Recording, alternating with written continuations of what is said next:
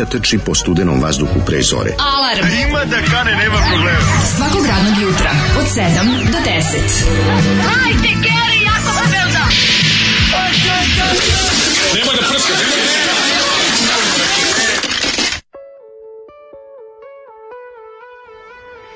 E, ponedeljče, crko da bog da. Ju, ju, ju, kak, kak božija kazna od ponedeljka. Ljudi baš, moji, baš, baš ono, baš je priroda se udružila sa nečastivim i da naprave najgori mogući ponedeljak ljudima. Napolju 9 stepeni. Odvratno je hladno. Napolju odvratno 9 hladno. stepeni. Znači kraj je, ma sutra je jun, sutra je mesec leta. Da. Sjetio sam se pre neki dan jebote kao... Pa mor... 31. maj je. Koji je danas 30? 31. maj, pa- sutra je jun. Sutra počinje letnji. Junj. jun. Jun. Sutra počinje jun i mi ulazimo u njega sa 9 jutarnjih stepeni, a ove nedelje će biti jedan dan valjda i 4 stepene ujutro, koliko sam video na ovaj na prognozi. Tako da, ovaj, dokle, setio, sam dokle, se, do... setio sam se godine kad je, kad je početak juna bio isti ovako odvratan i zimski.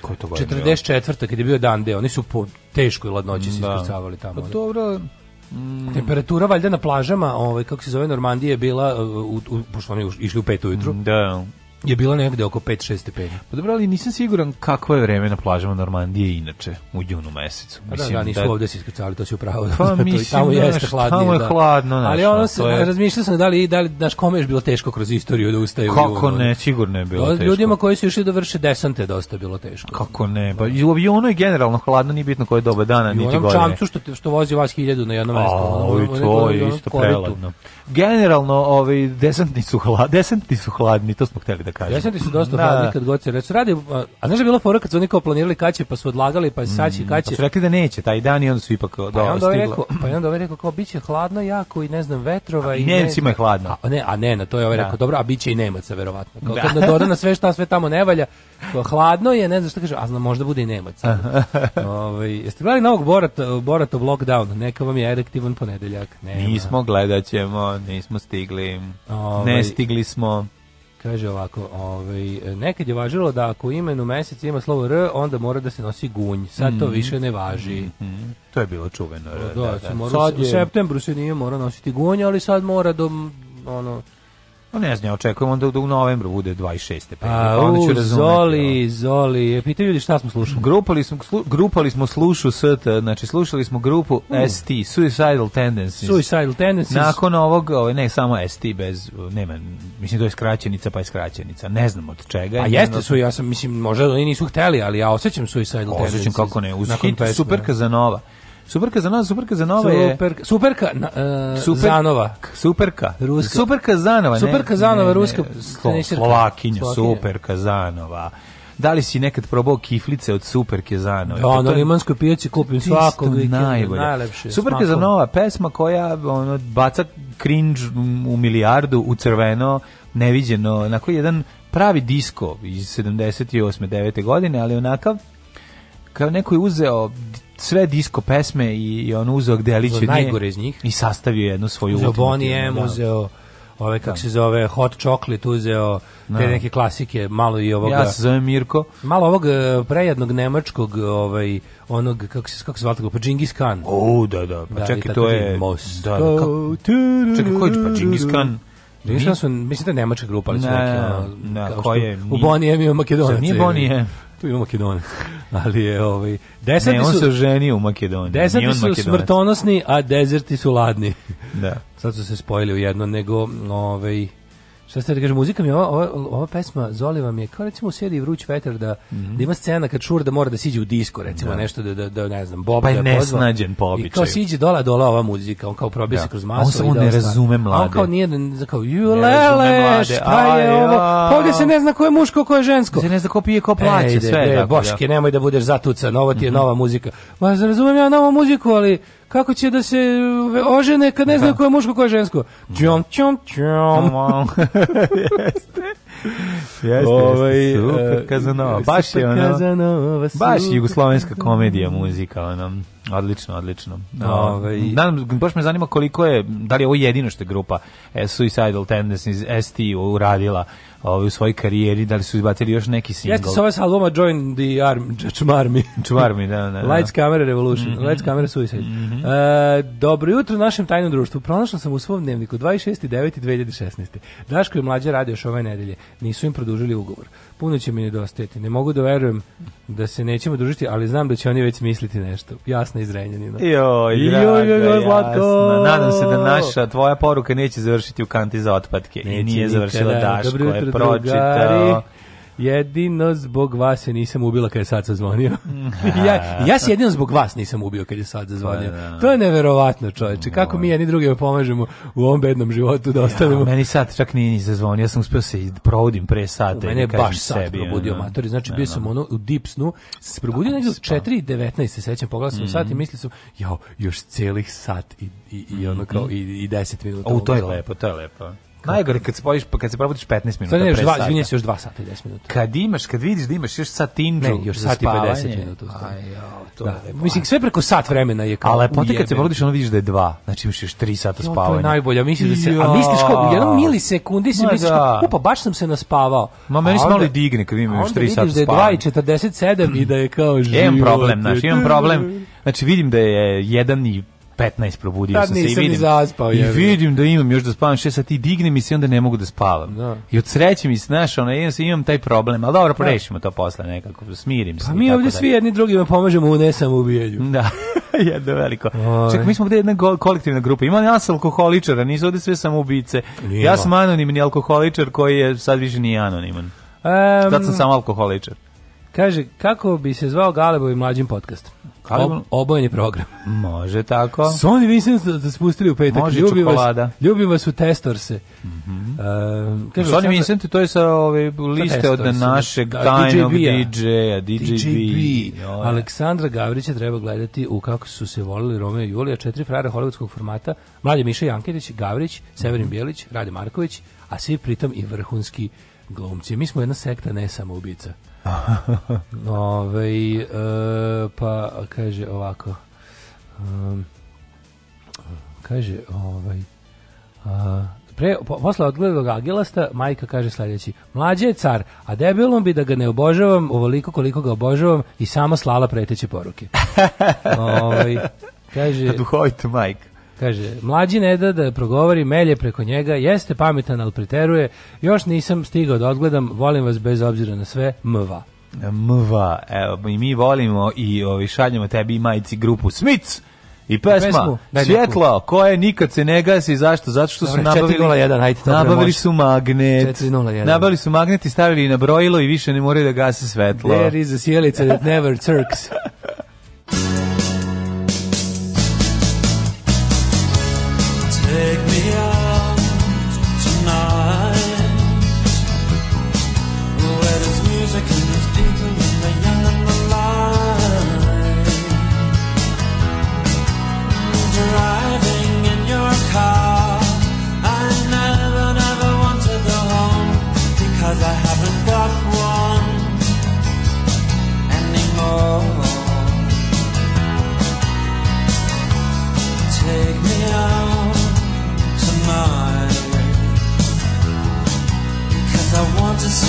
people and I want to see light. Dry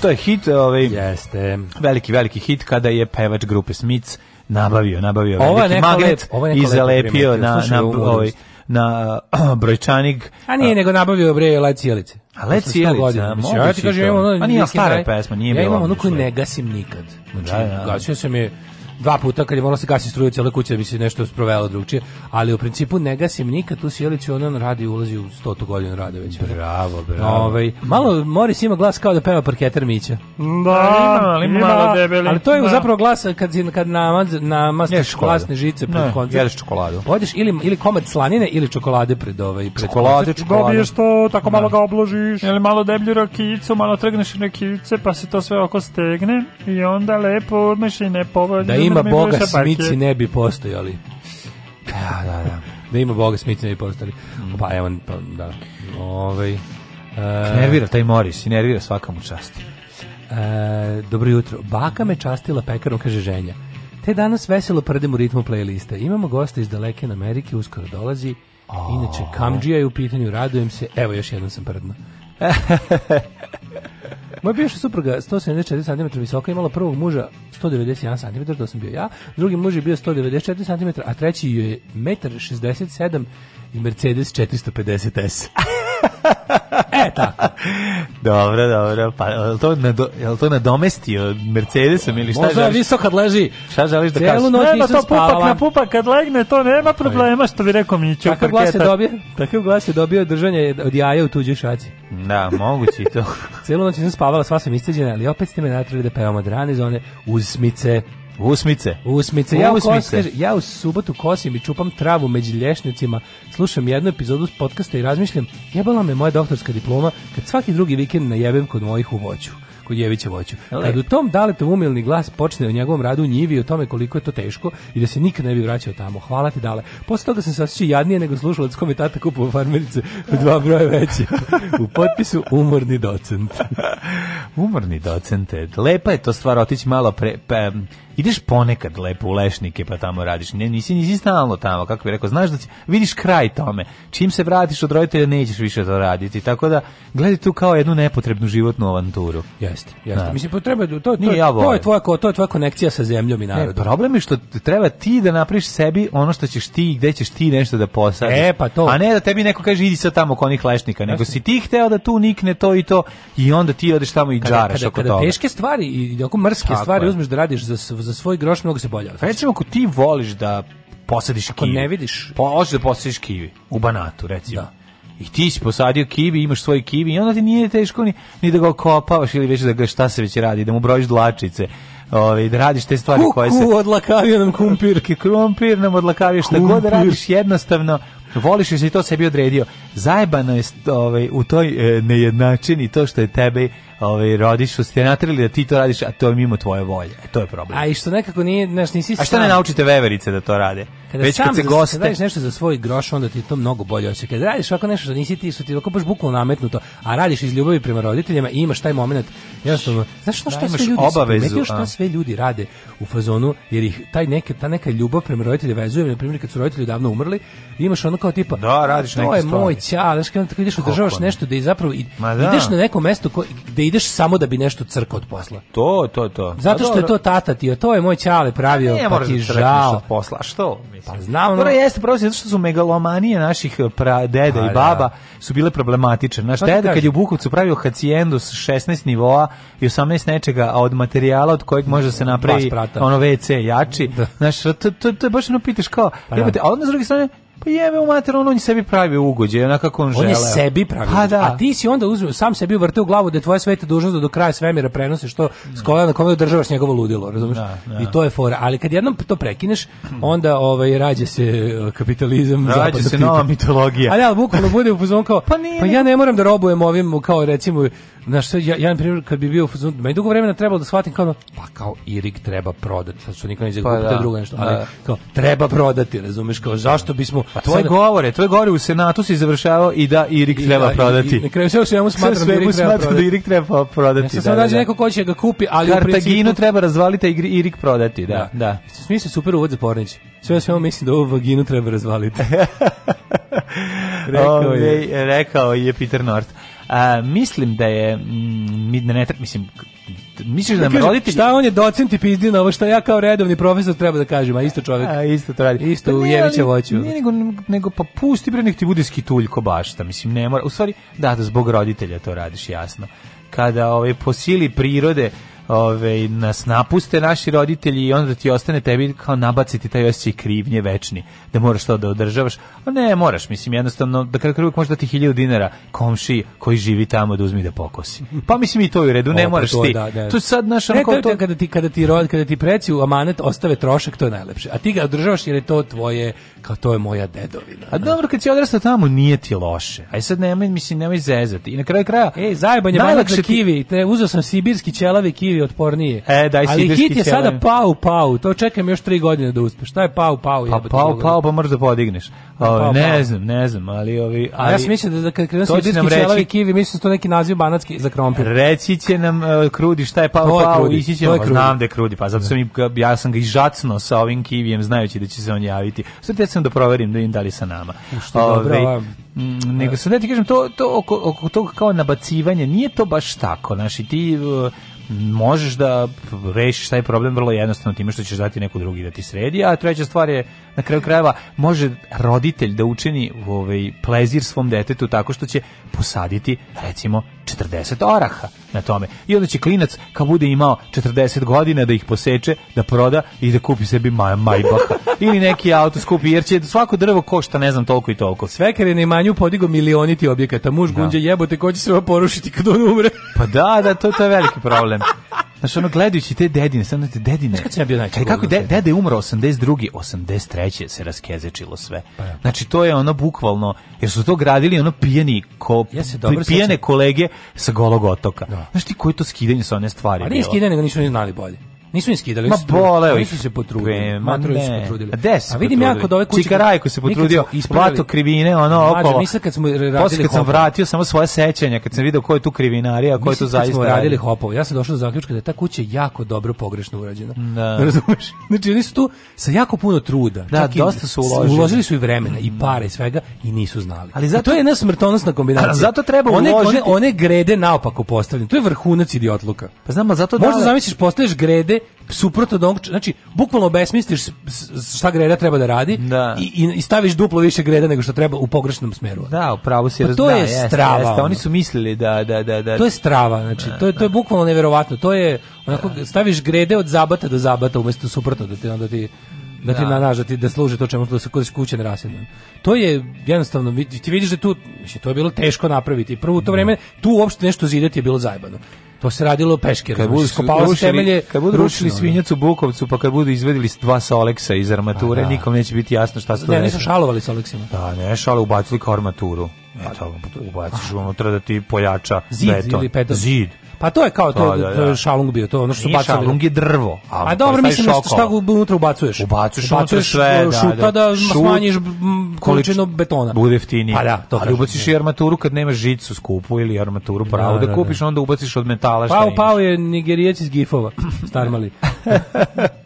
šta god mislim, moj Kaže, može opet biti. Opet je oblačno. Pa mi smo zaista Mordor. Od kako su ovi sve na sve na vlasti svake godine imamo hiljadugodišnje poplave, sveku drveće svuda, samo na morci fali Peter Jackson da snimi Da, nastavak ili remake. Veliko je pitanje ono zašto prošla godina kad je bio lockdown je bila toliko lepa. Zato što bio lockdown. Svim, sa svim godišnjim danima, pa ne, nego zašto priroda rekla, ej sad ću da dam sve od sebe da budem lepa sama sebi da ljudi da, da ljudi ne da, uživaju. Da, gledaju kroz prozor, ono u svojim zatvorima. Usrali ste me, sad ću da vas kaznim ovim. Ne znam. Kako oh. god, ovi, šta si juče radio? O, moj, mom, šta komši, vikend? mom komši deda ostavio kuću u Rovinju s nekoliko maslina. Eto, vidiš, Svaki godine tako. se muči, ode, bere, presuje ulje sve bi prodao, ali kaže dedovina, pa mi žao. Ima neko, da, svaki hiljaditi čovjek ima normalnog dedu, naravno. Pa ima i lepih ali, stvari. Nije, ja se zahvaljujem da. mom dedi što je dobro, onaj plac tamo, ono, ono je savršeno. Pa ti viš da je lepo. Samo treba uzeti i ispraviti to što on napravio i sve u redu. Pa, ali je, ovaj, vikend mi je bio, bio mi strava vikend. Znaš mi je da, lep vikend, čovječe?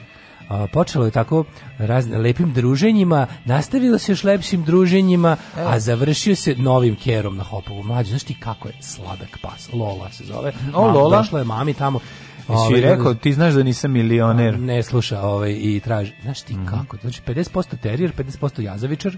A to što se privukla ili je tamo stig, stigla, sama došla, da, da, da. I tamo je Dobar dan. Keva da jede i pomazila i od, nije se odlepljivala više od nje I onda, i onda sam, mislim, ja dotrčao da vidim, znaš ti ko je to slatkoća? 50% terijer, 50% jazovičar, 100% pacov. Ma, znaš kakva mala, znači, ti se kad više sevaničar. Pokazat ću ti snimak, usrećeš se od sreće. Jel mlada ili je starija? Ma, malecnost može 3-4 meseca, ali neće više rasti od toga. To ne znaš. Pa mislim, možda će se raskobasiti. Pa možda će raskobasiti. Možda će da se u dužinu, u visinu neće. ako je 3-4 meseca, Znaš, onda već... ima ima na ko, e, a ima šape brown sad gore kao kao da neko onako malo oprljio, a tu se ide ta crna dlaka preko brownske. Mm -hmm. Onako kao da je kao da je oprljeno, kao kada uzmeš pa malo građu, onako znaš, oprljiš pre nego što je E, ta, znaš koliko... Kako kada opraviš papir. Da, ali to je ta, koliko se ona naložila odmah da je to kao tu njeno i da čuva. Onako, e, e, pa, e, da. Znaš ti koja slatkoća. Pa mora da zaradi. Njuška šest brojeva veća, ovako uzmeš ovako za njušku, ono. E, a okice? Joj, one tupave, znaš, one mokre. Pa imaš sliku, sliku da pokažeš, sad umrećeš od sreće kad je vidiš. Znači, baš ćeš voleti, ono. Pa joj, znaš, kakva, slatke. kakva ona pac, paco, pacovost. Pa odlično, čači, sad neš imati ni miševa ni pacova. Ako je terijer, taj će da, da udavi sve okolo. Da kupim malu crvenu ogrlicu, to će da stoji preslatko. Naravno, i da to idi kod sveštenika u, ovaj, u Hopovski manastir. Da kupim frontline, idem mhm. da uzmem šta je Strelkeva će danas odneti, ja mislim, kod veterinara tamo na, onaj, na vakcinu i mhm. pregled. Da je odgliste. Da je odgliste. Da, pa vjerovatno nije. 10 krpelje je imala kad došla. 10 komada bilo je ona, Ali da znaš kako je dočekala, čekala. Bila, bila ste otrebili? Bila mirna dok je trena, bila onako srećna što će neko poskidati. Ja se sećam kako sam u mladosti trebio moje pse sve. To je bio e, dugotrajan posao. Majko Mila, dobiješ za sladoled. Pokupila je sve kaže, otrebi, otrebi asku, dobićeš za dva sladoleda. Da, da, I da. onda ja uvatim i e, krenem. a da tako da imate uši mekane i mali, onda napolje, tamo toliko duva da je uši vijore na vetru. A, znači, kup, uši, uši su kupirane vetrom uši su trlahaju onako, znaš, da. kao kosa od prelepog urana kad se... A kaži mi, jer srazmerna na je, jel srazmerna ono veličini? Pa, to je, nije, nije, ovaj, nije dugulja, kao neki jazavič koji nije jako duguljast. Ma vidjet ćeš, bre, odlepit ćeš ono presliku. Baš teško. Ono. Hoćemo i mi da vidimo Keru daj na community, pokačio sam i jučer, ponovit ću, ponovit ću. Da. Ja sam video Ove, petkazanje, posle dugo vremena sam gledao petkazanje, pa sam poslao i daletu.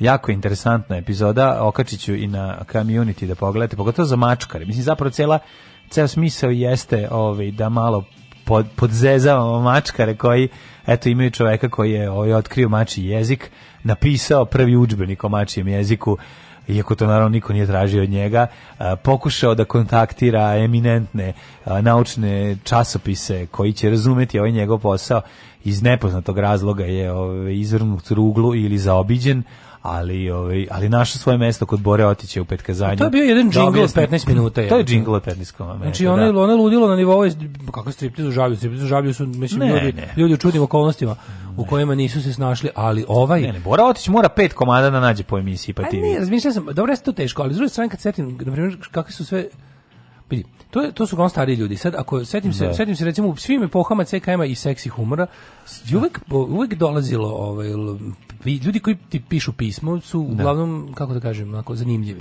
Pa zanimljivi su zato, ja da. da ja kad da. stepen preklapanja ovaj, ljudi koji se javljaju da budu u petkazanju i stepen i, i, i, i ljudi koji su se javili tebi da objavljuju da. seksi da. humor i preklapanje mislim na 85%. Pa moguće da jeste, da. Mislim, ti ne izgleda koji razume mači pa jezik kao neko ko se inače bavi humorom. Pa, moguće, a, ili jako poznaje, možda se ne bavi, pa, ali... Pa, mislim, znaš, ono. Da, ali čovjek koji hemijskom olovkom na papiru piše vic i pošalje svoje novini, a pri tome je vic i bezobrazan, je čovjek od koga možeš i očekivati da poznaje mači jezik. Mislim, nije da ne može šta upravo si. Kao 2021. jebate, ono kao to je ono, baš to je freak show, mislim, potkazanje je pola, emisija se onako prevrtao sam kad se mi poslala, pa kao što ti pa, još... Pa, to je ono, to je neki mix, ono, ali nije, naš ni kvadratura kruga. Mislim, da kaže, ne, ne, ne, on nema, on ne nosi teret toga. Bora Borotić ne pravi emisiju za Bora se raduje životu. Znaš, to je razlika između ovog. Sad što ta rado, pa to radovanje životu normalne osobe izgleda tužno, to sad nije njegov problem. On Ima nos da nam pravi dobru priču. Sad, znaš, ona baba što nosi petla na ramenu kroz selo, kao papagaja. On samo ima dobru mrežu doušnika za frikove. Pa dobro, dobre bizarluke, ali naš vidi. Ali fore što naše selo bilo je time. Mislim, da li postoji u Srbiji i jedno selo u kom nema jednog frika? A, pa naravno, A da još nije bilo epizoda pred pet kazanja koliko ima sela u Srbiji. Ne, ma naravno. Čekaj, ti se je Vučić izjavio predno dva meseca kad je rekao uh, uh, znam negde oko, između 8 i 9 hiljada toponima. to je izjava, to je izjava imbecila, ono razumeš? Ko to govori? Mislim, Znaš, kao, kako ja znam pesama na pamet. govori, pa ne, ali to ti, znaš, kao, ako kreneš da lupetaš, sad, šta, šta će ti žbić, žbiguli, žabuć, pa ne, iz toga mi vidimo, iz toga mi vidimo da si ti jedan ono, da. naravno, lažovi glumac svega, ne znaš 9000, a i koliko god da znaš, znači da si ih biflo na pamet i da šuketaš tako izločiš ih ono kao po potrebi, kao ono, random access memory, znaš, i onda kao, šta mi onda, mislim, znaš, Ćuti bre, ono bolje reci. Znaš, onda kao ostavi nas u iluziji da si se zainteresovao za konkretan neki problem pa si naučio ime mesta zbog toga. Ne, može ne ti si ono štrebao geografski pa, pa da. i ovaj, leksikon Jugoslavije. Otvori, ne, on kad ide negde, otvori na, i ovaj, nauči na pamet. Dok putuje do tog mesta, nauči na pamet 40 sela okolo. I onda dođe tamo i ono, zaludi domaće stanovište izgleda kao da živi kod njih, bolje zna. Kako je kod vas 200 metara u onom vajatu, onda si, ah, zna za vajat, pa da. za vajat, Otkud ti znaš za Wyatta? Pa znam, znam znaš, Vajata Erpa. Pa znaš ovoga gitaristu iz blues slepi, da. Stepin Wyatt. Stepin Wyatt. Stepin Wyatt, da. odličan da. lik, ovaj, bio je gluv, nemi slep, naučio da svira gitaru po njuhu. ovaj, Han Adrović najavila novu emisiju, zvaće se Tvrda priča. Ljudi, komentari su zlato. Da li je povratak? Han Adrović je počela ono da... da, da Han Adrović treba da napravi Patreon svoj. Po, only fans. Pa samo OnlyFans, Only i, to, i to može. Da. A, povratak matorog momka Bloomfielda se očekuje. Pa, povratak dobrih Ali kao, komentara. Na, ja sam vidio u njenom tom kao... Jel napustila Raduleta više? Mislim da nije, mislim da je ostalo sektiva. Još uvek, ali je fore što u tom najavi kaže da upoznate moju malo tvrđu stranu. Zamisli to i reći jednom matorom momku Bloomfieldu. Znaš to reći tim ljudima tako nešto? Pa to je, Nemo ih dražiti, čoveče. Šta će biti Veronika Mozer ili šta hoće? Tvrđa strana. Pa mislim ne znam, hoće biti ono kao Ja sam to ja, Veronika Mozer voli i mekšu stranu. Pa dobro, zavisi nekad bude i tvrdo, misliš, šta ja znam, ako si bio na svadbi pa se Borotić neće ni da ti se obrati ako izgledaš normalno. Čim vidi neki tik, odmah te se tebi obrati, ali nekim lokalnim izrazom koji misli da samo ti znaš i tu te natera da mu se otvoriš kao cvet. Va e, pa da, to veličina njegova. On dođe u selo, novinar, dođe. On, dođe ne, selo. on samo blagoglagolji onako, ali tiho, onako dipje. Ne, on dođe dođe u selo i šmeka. I sad gleda ljudi, sad kad vidi neka, jave mu, ne, kad vidi Garija da koji nosi naopako gaće, onda mu priđi i kaže mu šafafundla ti se babalukal fukalica. Ne, pa dođe sve jedno. Znači čovjek, čovjek sa gaćima na glavi prvi dođe kri kameru. Mislim to naš, on to, će doći. Naravno, da. Naš, Ali pa recimo kad ide u scouting, kad je scouting, godi, da. znaš, sami samo tako stane i vide kao, a, evo ga čovjek koji ljubi motku. Da, da, I onda da. priđi i kaže mu, šuš, muš, pulutuš i da, ovaj mu da, kaže... kaže, ja pa tapa lipi, tipi pljuni pa prelipi, ja. sad ću ti ispričam svoju priču. Dođi kod mene kući da viš moju da, kolekciju da, da, da, da, sad ću da viš šta si radio. Evo ja ovaj čovjek živi u peglici, može, ajmo priča o čovjeku koji živi u peglici. I onda je to sasvim u peglici koji je malo prebacio od žbađa koji je popio.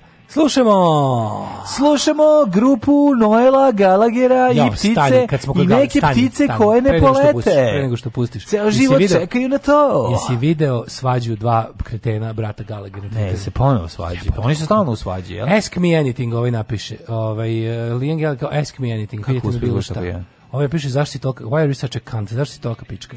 A ovaj sad kao, i sad fanovi odgovaraju Liamu Gallagheru kao, nemoj kao smiri se, nemoj misli na vašu majku, kao da, ovaj. pomisli na nju, a ovaj Noel odgovara, ona mi je rekla da ga pitam. A, odlično, odlično.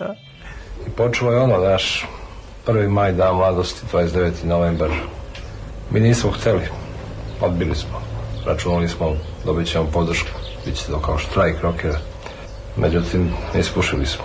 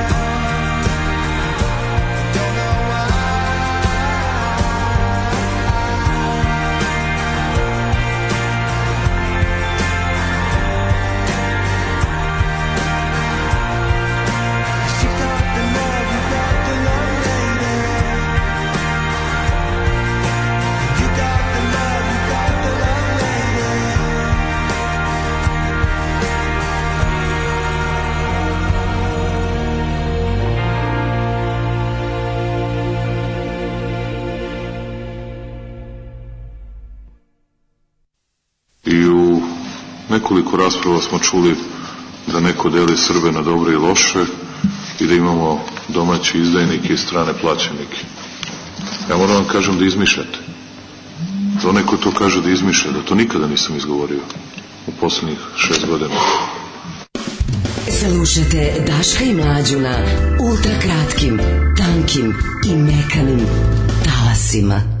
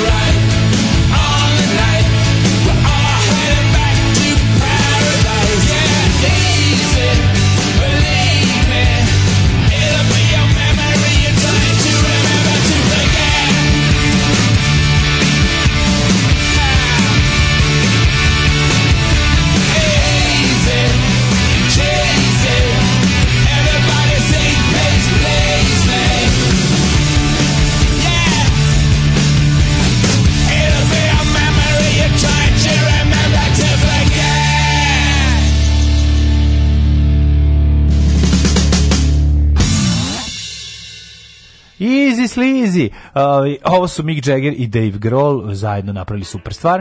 Uh, šta beše od Deezer još uvijek ne prepozna kako Deezer prepozna, valjda Shazam ovo su Jagger i David Grohl Jagger i David Grohl, a ono je gore bio Noel Gallagher onaj što mu majka rekla da je Kant Um, Emanuel. Kaže, možda je dala bol, Gallagher zna da napiše pesmu. Ovo malo pre je predivno, ovo je vreme gde delo. Znači, taj cijel album je strava. Ove, čtići, čtići da. u, u goste kod Hane Adrović. Pa kad budemo koliko tvrdo prvo. Prvo da vidimo da, koliko je tvrdo, da. pa ako nam bude dovoljno tvrdo. Mislim, ja mogu... se kučio sa Yellow Submarine u sredu, pa je zato u subotu bilo Stop Crying Your Heart Out, mm -hmm. sve mhm. zbog futbala. Mm -hmm. Čika istorija koja je opet kazanje priča kako je preživao skok iz aviona, pa padobran da mu se nije otvorio 20 minuta plakanja od smeha. Mislim, debelo masti, ali još bolje. Nema veze, super. Da. Mlađo ko Zdravko Čolić, ovaj, trebio si jasku.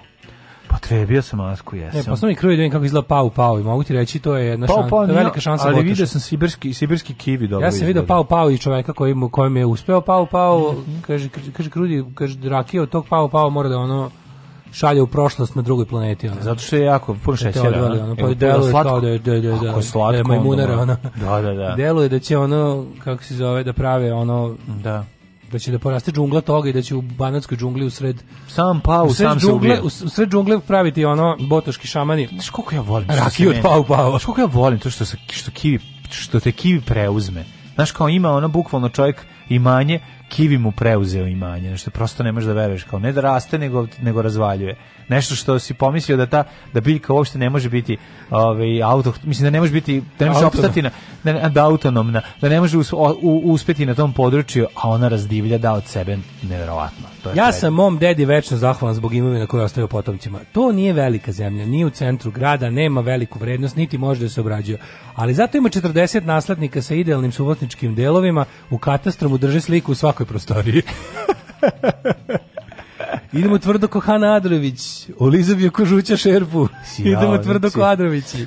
Komentari na Hanu Adrović, to je nešto najduhovitije i najpokvarenije istovremeno. I, Upa, i ja, ja još nisam ni gledao ni jednu Haninu emisiju, a da nije bila tvrda priča s moje strane. Badumc. Ja moram da kažem da ja nisam gledao emisiju do kraja. Ja sam, ja, ja, ja sam nisam čitao je. Pa gledaš tri minute, onda odnosi čitaš da, komentare. Znaš da, gledao sam, emi, njene, gled, njenih emisija sam gledao onoliko koliko mi treba da iščitam komentare. Tako je. Znaš, pusti pa sad idu, idu I neko tu priča. I ide ona o pozadini, a Ja pa dole pa, cepam matarog momka Bloomfield ekipu pa, da, i gledam, oni da. zapisujem dobre fore. Da, meni i dalje najbolji komentar onaj sa sa Nađe Higl sa kapom od Nađe Higl, to je to je prosto. Meni dobar i onaj kad napiše kao sram bilo ovi ljudi koji se samo fokusiraju na, da. na, mašalim se bre ono. Odravi. Govno biti pojeo. Da, da, da, ovaj, da, da, da, ajmo, ajmo u prošlost.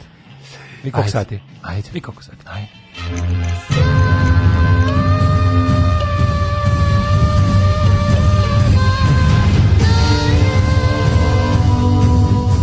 Dogodilo se na današnji dan.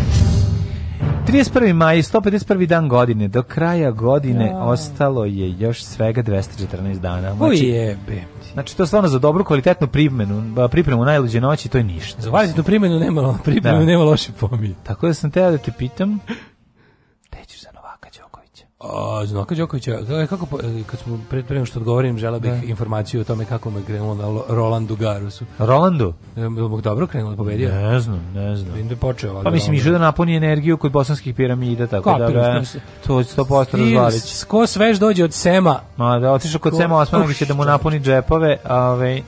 A, dobrom energijom. Dobrom energijom i on ovaj njemu proda ono tamo dva, dve tone magle I ovi sad ide tamo bacati u maglu po Roland Garros. Tako da ću za novu godinu u, recimo, neki banac surovi, negde da duva vetar. Može. Jer vetar, koliko nervira vetar. Ja ne znam šta se to promenilo, pa tamo jebote na Frušku gori onako divljački duva. Ono da duva sezonski. Sezonski, ja sećam da, da je u Bukovcu duvalo sezonski. Duva, duva, jebote. Kad krene da duva, znaš, baš pravi... Ovo je tele pravimo, pravi ćemo menja, ovu... menja svest. Ove nedelje građanski poduhvat ovaj veka. Šta radite, šta radite? Trem, pravimo ovu od plehova ono što sam prošlo, što sam nabavljao pre 10 dana trem, pravimo trem, trem kao na na gore na, terasu da možete se čekaj gore na, na gornjem delu na gornjem delu ćemo stavimo iznad kao iznad ulaza tamo onako da bude mm -hmm. a ove znaš kako je razduvalo da su ti plehovi odleteli svi u pičku materinu znači onako depostavljeni još uvek a što me sad tera da mislim hoće li konstrukcija koju sam zamislio koja je drvena pa ja, izdržati ja bih želeo da ti dam jedan savet a to je na, ne daj se opkoliti u, u termobilskom klancu ne ovako slušaj e, ono što ne duva tako kako je tu tu je kao neka vrsta vrsta zavetrine.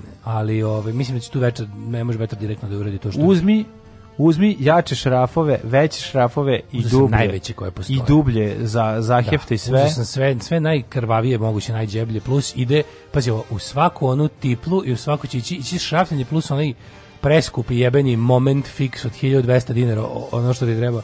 Znaš, ono je onako da, ga, da mu sve uradiš što možeš, ono, da ga zalepiš, zašrafiš, za, za, za jebeš majke, ono, otprilike. Da, pa da, ću vidjeti. Da. A fora da i sama konstrukcija ne sme da bude, teli smo prvo metalno, to sve da radimo, da, ali onda je ona sama po sebi teška, pa treba tu nešto da. izmudrovati. A možda da si razmišljam, možda da zanimljivo. pitaš, postiš pitanje nekog građevinskog pa, inženjera koji će napraviti proračun. A pa naravno, da, statičar. E, to je važno. Da kaže, ovi u teoriji da, moglo ovako, a sad teorije, razlika između teorije prakse i u praksi. Da. Što kao jedan dobar vetar može da ti se Pa dobro, misliš jedan vetar koji nije ono klasičan. Ne standardni vetar, koji odradi neki, ono, neki se skrene negde. Pa dobro, videli smo pojave ovih pijavica, takozvanih, znači do, do, do, mali da, da, tornado da, pojavi, ali nema ih po Vruškoj gori, ima ih po Banatu. Ipak je neophodan ravan širok prostor, to tamo ne postoji. A za novu godinu ću da idem u ovaj, um, recimo... Da, neki toponim. Banatski Banatski Brestovac. Banatski Brestovac. Juče sam danas juče sam video neku nešto za Banatskom Brestovcu. Danas je inače svetski dan borbe protiv pušenja, recite ne da pušenju mm -hmm. i mhm. recite da ne pušenju. Tako je. Znači danas nema pušenja, samo ljubljenje. Ha ha ha, ta ste bili Aj, aj, izvinjavam se. Izvinjavam se, ubite me sada odmah. E, sada neka me zgazi voz. Danas, je ovaj, kako se zove, Ariana Čečik ima slobodan dan. Ha, ha, ha, Uh, 1793. Ovo je godina kojom počinje moja istorija, daj nešto bolje. Nemam. Isto, hapšenje žirondinaca u Francuskoj mm. počela vladavina jakobinskog terora. Živio jakobinski teror. Jakobinski teror, on, znaš da su jakobinci na kraju kad više nisu imali nije bilo koga sebe, da, da mu skine, ove, da, da skidaju glave na giljotini su sami sebe pa giljotinirali. Pa, naravno, tako je stvarno, to je stvarno. To su rekli, daj sad samog sebe. Rekli, ima i među nama dovoljno nepravovernik. Tako Ugrela da, nam se giljotina, daj sad da iskoristimo dok je vruća. Živelo, uh, živ, revolucionarni teror. Da. Najlepši period svačeg života. 1809. Osmanlijska vojska porazila srpske ustanike u bici na Čegru, Čegru. kod Niša, da. a vojvoda Stefan Sinđelić je digao vazduh skladište Baruta. Ja se ja to zamišljam kao u ovom uh, I'm a Legend, kad su se nakupili zombi i Turci dovoljno njih i on, on je pre nego, da što pre nego što ga je zagrizao ono, ono zombi aga, uh, Sinđelić opali u džebanu i ode sve u materinu.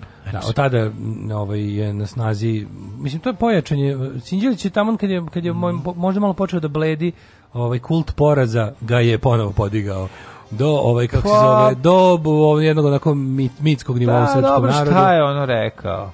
Pa onda Gore, znaš, znaš da su onoga neka imbecila, Tepić ovako isto uradi. Znaš da su onog imbecila Tepića, onaj dan danas ga slave, heroj, da. narodni heroj, ono kakva tuga. Da.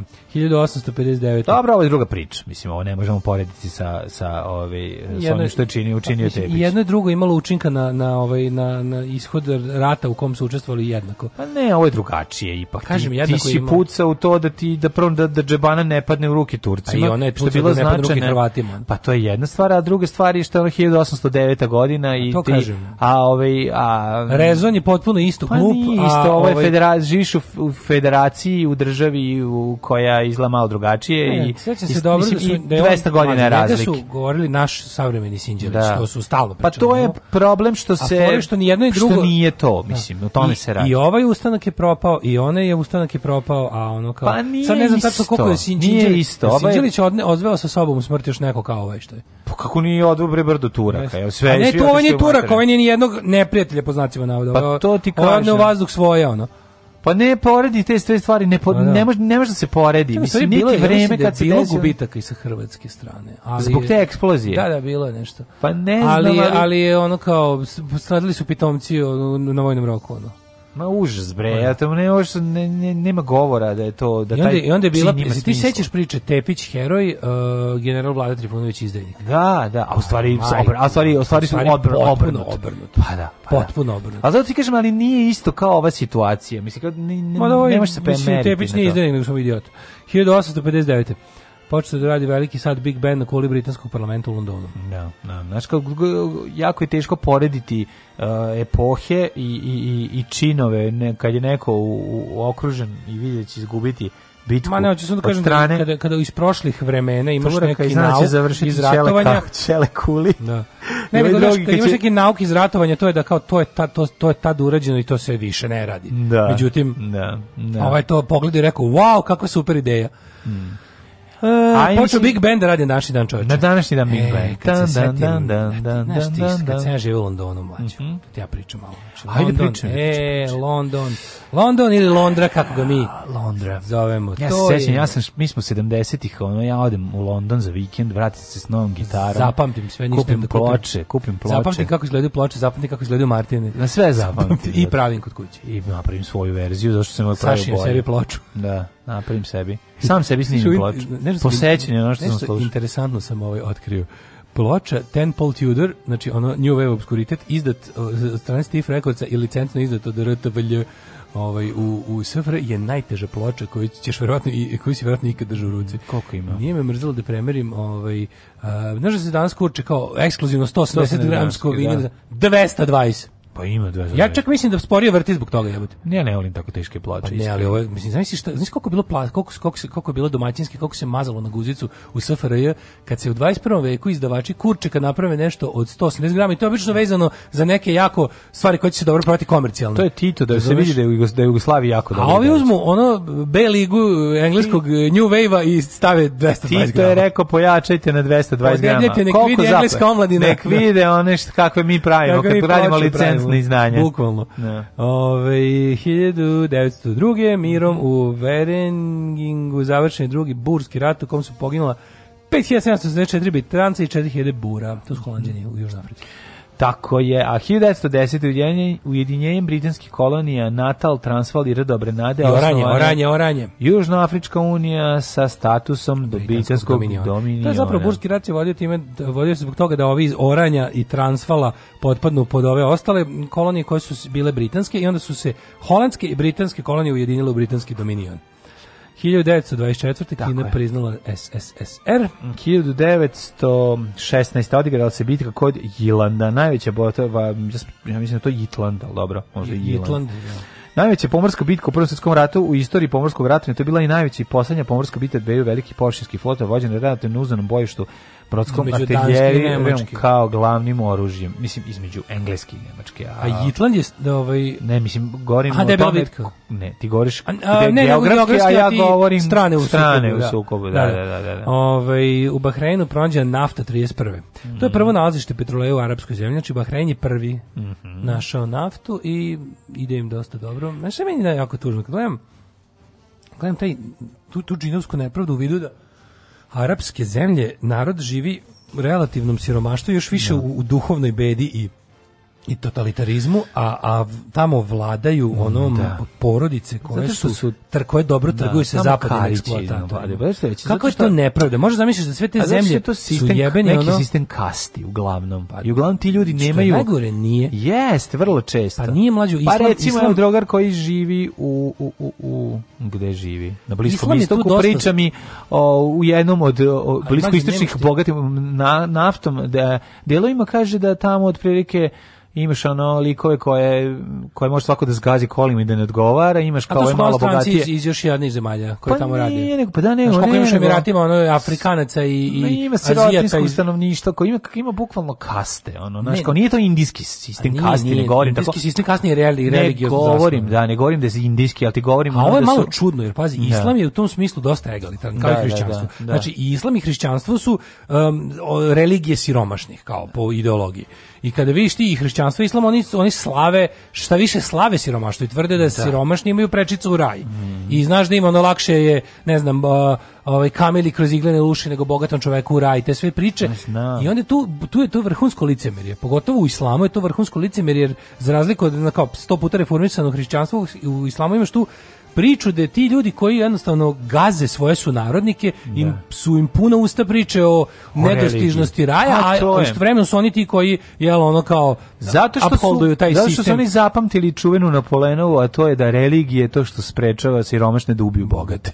I da. to je to, da. razumeš? Naš... Zato kad da kažeš kastinski sistem, to nije u Indiji imaš religiju koja to propoveda. A mhm. ovde baš suprotno, ovde religija propoveda neku vrstu vrline siromaštva i to da su bogati manje više kvarni, a na na šerijetskom na, na zapravo zakonu baziranom na šeretskom zakonu na na pravilima te religije imaš imaš tu džinovsku klasnu ovaj da. nejednakost da, da, i da, da, i da, koja stvari koja, koja je pogonjena naftom mislim ništa to ne bi bilo bi mi bilo bi ti jasno pa oni ja, su ali opet im verovatno je postojala e, mislim da mi ima dovoljno svega da tamo da, tamo bi trebalo da ima dovoljno svega da svaki stanovnik zemlje bude solidno naravno, bogat naravno. a oni su odlučili da opet bude da bude izuzetno siromaštvo i nepismenost a s druge strane užasno bogatstvo u rukama malog broja ljudi pa da znaš Da. Ove, ovaj, 1938. prvi put prikazan film na televiziji. Uh, prvi film je bio povratak Scarlet Pimpernel koja je mm -hmm. prikazala američka televizijska kuća NBC.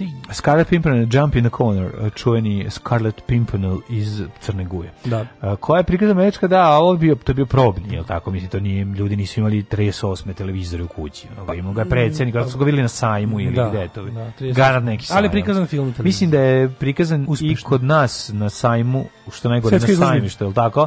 Isto prikazan na televiziji. 40 da. ili koje već? 38. Ne, 38. da, poslednje nije posle počeo. Da, da, da, 38. Da. je bila svetska izložba, ali ja mislim da je poslednji sajam održan 40. Ovaj, 40 na da. tom istom prostoru, ali to bio jugoslovenski sajam. Mm -hmm. I ovaj da, i sećam se da meni je jezio priča o tome da kad je posle to postao logor i kada su mm. paviljoni različite države postale različite barake, da. da. se govorilo ne daj me u Švedsku, da su jevri govorili jer je Švedska mesto e, egzekucije. Kao, ma ne, nego je kao bila kao bolnica, ali bolnica iz koje se ne vraća živ, mm. kao to je bio stacionar da, da, da kupe leševe.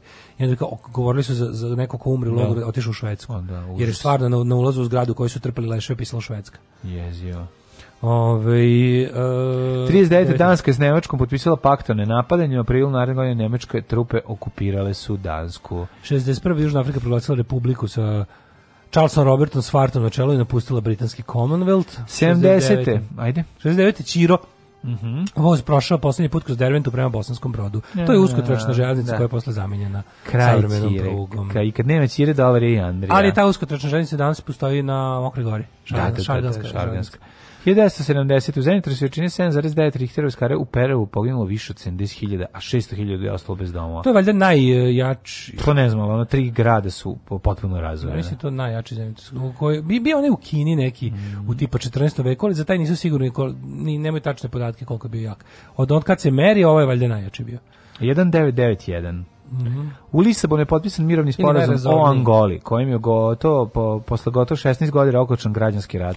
Zatvoren, da, završen UNITA jedan, i kako se zvala on drugi, drugi pokret. UNITA za, i... Završen jedan ovaj, građanski rat uh, u svetu, a započeo drugi iste godine kod nas. Pa nažalost. mislim, portugalski kolonizatori su tu imali svoju stranu i da. ovi drugi, to je bio dva pokreta koji su... Pa Uvijek tako bilo. Interesantno, to su oba pokreta su prvo srađivali i bili su antikolonijalni, mm. onda se UNITA razvojila, pa oni su ostali mm. levičari, antikolonijalisti demokrati socijalisti, a ovi drugi su prebacili u neku vrstu ono jebi ga angolskog nacionalizma mm. i postali su neka vrsta mislim uvijek su ono i bili eksponenti kolonizatora, ali taj građanski rat je posle se ima to interesantno u Deutschland 86. Pa to je zavadi po vlade, mislim, klasično. U drugoj se znači. drugoj drugoj sezoni Verovatno su Portugalci ono, dobar favorizovali jedne i ono dali im da kontroliš ove druge, mislim. Da, ali za to, njihovu... to, je, to je bio isto jedan od proksi ratova, jer je tu Sovjetski savez podržavao jednu stranu, a, mm. a ovaj zapad Jedan od mnogih, da. 1992. organizaciji Centar za antiratnu akciju održane su u Beogradu demonstracije više od desetine hiljada građana koji su nošenjem crnog flora dugog 1300 metara izrazili svoje saučešće sa žrtvama rata u Bosni i Hercegovini. Bilo je ljudi koji se nisu bilo, se pravili tako blesavi, koji su znali šta se dešava, koji su podigli glas protiv toga, nažalost bili su manjina i bili su nemoćna ali manjina, su čuli. ali je jako važno što mm. neko reče, bili su one da ptica koja nosi kap vode u kljunu da baci mm. na požar, zato što je nekad važno čak i biti na pravoj strani, čak i ako ne pobediš, čak i ako nisi većina. Mislim, u ovoj zemlji većina nikad nije bila u pravu, to znamo, ali je ovaj to ljudi koji su u, ono i, uvijek užasno me nervirali znam koliko sam mrzeo u onim lepim selima što su oni da. prikazani kao neki kao a e, kao neke pičke pederčine razmrženi iz kruga dvojke kao to je to me toliko pa, da nerviralo kao nije bilo njemu ja ću ga misliti mislim da mu nije bio cilj da Kako tako nije bio cilj, baš je prikazao kao licemer, on je kao jedan lik koji drži... Nije to Vanja Bolić igra. On drži, on drži, on drži kao, uh, pa on što šutne onog sa štakom. Ne, da, da prikaže kako je e, kao nešto je sve licemerni to je su sve krug dvojkaši licemerni i on kao on drži ne all we are saying i mhm. priđe kao da, neki da, liki i on mu kao ne znam šta i šutne kao da padne kao takvi su zapravo ti ljudi koji protestuju za mir Kako se ne sjećaš te scene? Ne sjećam se. Dobro, nisam ja taj film gledao baš tako puno puta. Da. Gledao sam ga iz dela. Sad ću opet dobijem des poruku da, da je to da. antiratni film. 1009 to je... Ne, ja sam govorio da ta scena, ono, znaš, da nije, im, da nije ovaj. imala taj Konci, ja sam to zapamtio, ja sam, ja sam taj događaj zapamtio iz tog filma i ne u negativnom kontekstu, to sam te da ti kažem. 1000... Znači, moguće da, ovi, ovaj, da sam to prevideo ili da možda ti nisi u pravu, što je gotovo nemoguće. Ali, 92. Ali masakr u Vrpolju kod Sanskog mosta. Mm, užas. 96. Mm -hmm. bosanski heroj Dražen Rademović, ovu taj je jebote, ono, Dražen Đenić, bosanski heroj, je jedan od, od direktnih egzekutora u Srebrenici, koji je javio čuveno, ja sam pucao dok se mitraljez nije raspao. Yeah. To je bilo prvo priznanje krivice pred Kaškim tribunalom, a onda kad su oni, pazi, oni je u Čekaj, on, on je učestvovao bio iznemljen na na na na da, strani, da, da, da, da, da, to su bili oni da. periodi kad se moglo iznajmiti, kad ti zafali ljudi. Da. da li su ovi bili umorni od ubijanja ili su ili jednostavno su bili u fazonu Znaš, mislim, i da, da, se, da se ne lažemo, bilo je u toj vojci Republike Srpske puno čestitog sveta koji su bili u fazonu, neću da učestvujem u ovome, pa je onda Ratko Mladić našao ko hoće. Da, da, da. Što prinudom, što, ovaj, kako se zove, tim, što ti kažeš, iznemljivanjem. Mm -hmm. Pa su tako postojala jedna čita, jedan čita vod, to je Nemović svedoči, da je jedan čita vod koji je ovaj iz, iznajmio od onog Hrvatskog vijeća obrane i raznih tamo da. nekih proustaških formacija, koji su isto bili u fazonu je pa volimo da ubijamo muslimane, možda nije, možda da. nije u, mi privređujemo, mislim, na ovaj privatirski prvo, način. Prvo, prvo privređujemo, da. drugo mislim mrtav Balija, mrtav Balija, sad da li sam da. ga ubio tamo kod mene kući u Hercegovini, mislim treba da ih ima da. komplet da. manje, pa kogod da. radi na tome mi je dobar, a i plaćaju. Aj mi smo hrišćani pa se razumemo u tom pa smislu. Pa, ja, ima tu svega, da. Ove, no, on, ali, dio to ali mislim da je osnova, mislim da je osnova toga pa novac koji su Ne, ali genijalno je bilo što po pa jedno vrijeme su pokušali stvarno da prikažu kao, kao pa ne bi mi, nego eto kao bilo ti Hrvata koji su su bili ekstremisti u našem redu.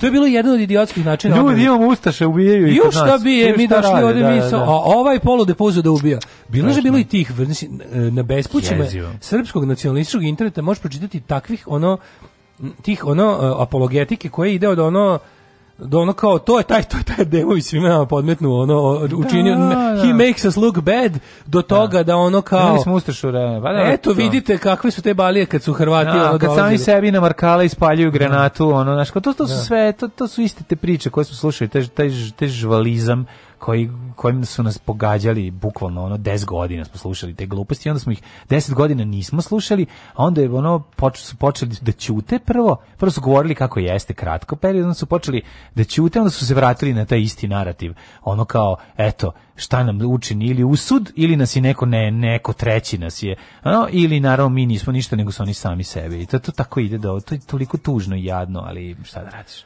Uh, Ukrajina i Rusija potpisali sporazum o strateškom partnerstvu 97. How's that going? Mm -hmm. Pa onda sanatorijum, ovo je bilo je još jedan od groznih zločina 1999. vazdušna udarima mm -hmm. NATO-a pogođen je sanatorijum u Surdulici, poginulo je 20 ljudi. Jezivo, jezivo. To je zapravo ovaj bio mislim da to bio poslednji da je to bilo poslednje ovaj, stradanje civila, da posle toga je bilo obustava, pa je onda posle 3 četiri dana potpisani potpisana se po naša pobjeda nad NATO. Da, da, da. Nakon što smo nakon što smo prvo uništili ovaj NATO pa aerodrom. Skrati... NATO aerodrom u Albaniji, ne znam da li znaš A, da, tu da, akciju naša, koji se malo priča. Znaš, pa to ti kažem, mi mi živimo u ogromnoj laži. To to je naš. Ja mislim da će to da će to za jedno 10 godina biti ne, ono, ne, ne, neupitna istina. Pa hoće, da, da, da. To kao kako se zove onaj film? Ne, to čuveno kako, kako je nekoliko nekoliko aviona. A znaš, znaš zbog čega su oni to? Sad ću reći zbog čega je to sve. Ta ideja o tome leži u onoj, e, za onom za pravim događajima iz 41. kada je dvoje, dva, tri aviona ov, jugoslovenskog vazduhoplovstva bombardovalo nemački grad, austrijski aerodrom ili nešto. Ne, ne. Zanimljivo, Mađarsko to bilo. Ne, ne, bombardovali su u Austriji. Ostali, ja mislim, su Da, A pa poletali Sloveniji. Stigli da. su, sletali iz Sloveniji, mislim. Da. Ali hoću kažem da Bela Amerika sad su su uništili su je nekoliko aviona uspelo da izvrši akciju da, da uspori ulazak nemačkih tropa. Kako se zove onaj film? I onda je to naš verovatno film sa oni dvoje kao oni i to istiniti događaj isto. Oni oni oni ludaci su e, isto u američkoj vojsci uzeli avion u nekoj bazi američkoj u Vijetnamu i otišli bombardovali Hanoj. Da, ne sjećam se. Što je da- bilo van svakog mm. domašaja. Znaš da je bilo, mislim da glumi Defoe jednog od pilota. Moguće. To je, to je isto bilo bomb, da su uspeli s jednim avionom da, da. ne znam, to je to je urađeno. Mislim to je postoji priča da je to zapravo bio plan da, da, su, da to bilo, da su imali naređenje da to urade, a da je sve prikazano kao ono rogue mission dvojice poludelih, ono kao naš de, desničara u vojsci. Da, da, da. Koji bi da završe rat ranije. Kao ne, ali naš da ko... Završe rat ranije, pobedio, pobedio Vijetnam. Pobedio na kraju. Da. Ove, e, eh, u gradu Marfi u Severnoj Kaliforniji uhopšen je Erik Robert Rudolf, osumnjičen za postavljanje bombi na klinici za abortuse u klubu za homoseksualce i u Atlanti tokom olimpijade 96 hrišćanin. Jednom da, da, da, uh, Soldier for Christ. Jesi vidio Poljsku? Majko Soldier moja, for znači, Christ. Šta je zadnje bilo? Pa, Neki masovni skup ludaka. Pa ne, što, što, ja stvarno ti ono... Baš skenjam, ja jako se skenjam to za Poljsku, baš mi ono... Ja vam znači, kažem, e, ne uzimamo, dovoljno, ne uzimamo dovoljno ozbiljno ludake iz internet podzemlja desničarsko-religioznog, to je ono Znači, ja znam da je Handmaid's Tale fikcija, ali Margaret Atwood je originalnu knjigu, ne govorim sad o ovom što se serija izrodila, mm. ali u originalnoj knjizi Margaret Atwood glavna poruka je obratite pažnju kako to nastaje. Znači, da. dok vi se zamajavate glupostima mm. i dok mislite da su to neke budale koje, oni, pazi, oni možda i jesu i glupi, i jesu, ali ljudi, mo, ne smete zaboraviti, u, u, u, savremeni kapitalizam ostavlja za sobom gomilu bolesno nezadovoljnih, očajnih ljudi koji se okreću velikom zlu i taj broj iz dana u dan raste. I na to treba neko da obrati pažnju. Na današnji dan e, dve velike stvari 2012. godine Tomislav Nikolić inaugurisan za predsjednika Srbije kad smo se svi hvatali za glavu, a nakon toga pet godina kasnije Aleksandar Vučić, ovaj pa smo počeli da pravimo to od blata, verovali ne. 2011. mladić izručen Haškom tribunalu za zločine na prostoru bivše Jugoslavije jer mu danas drugo stepena presuda. Pa ne znam, valjda. Ja mislim da je danas potvrda mhm. presude. Mm -hmm. Vidjet ćemo.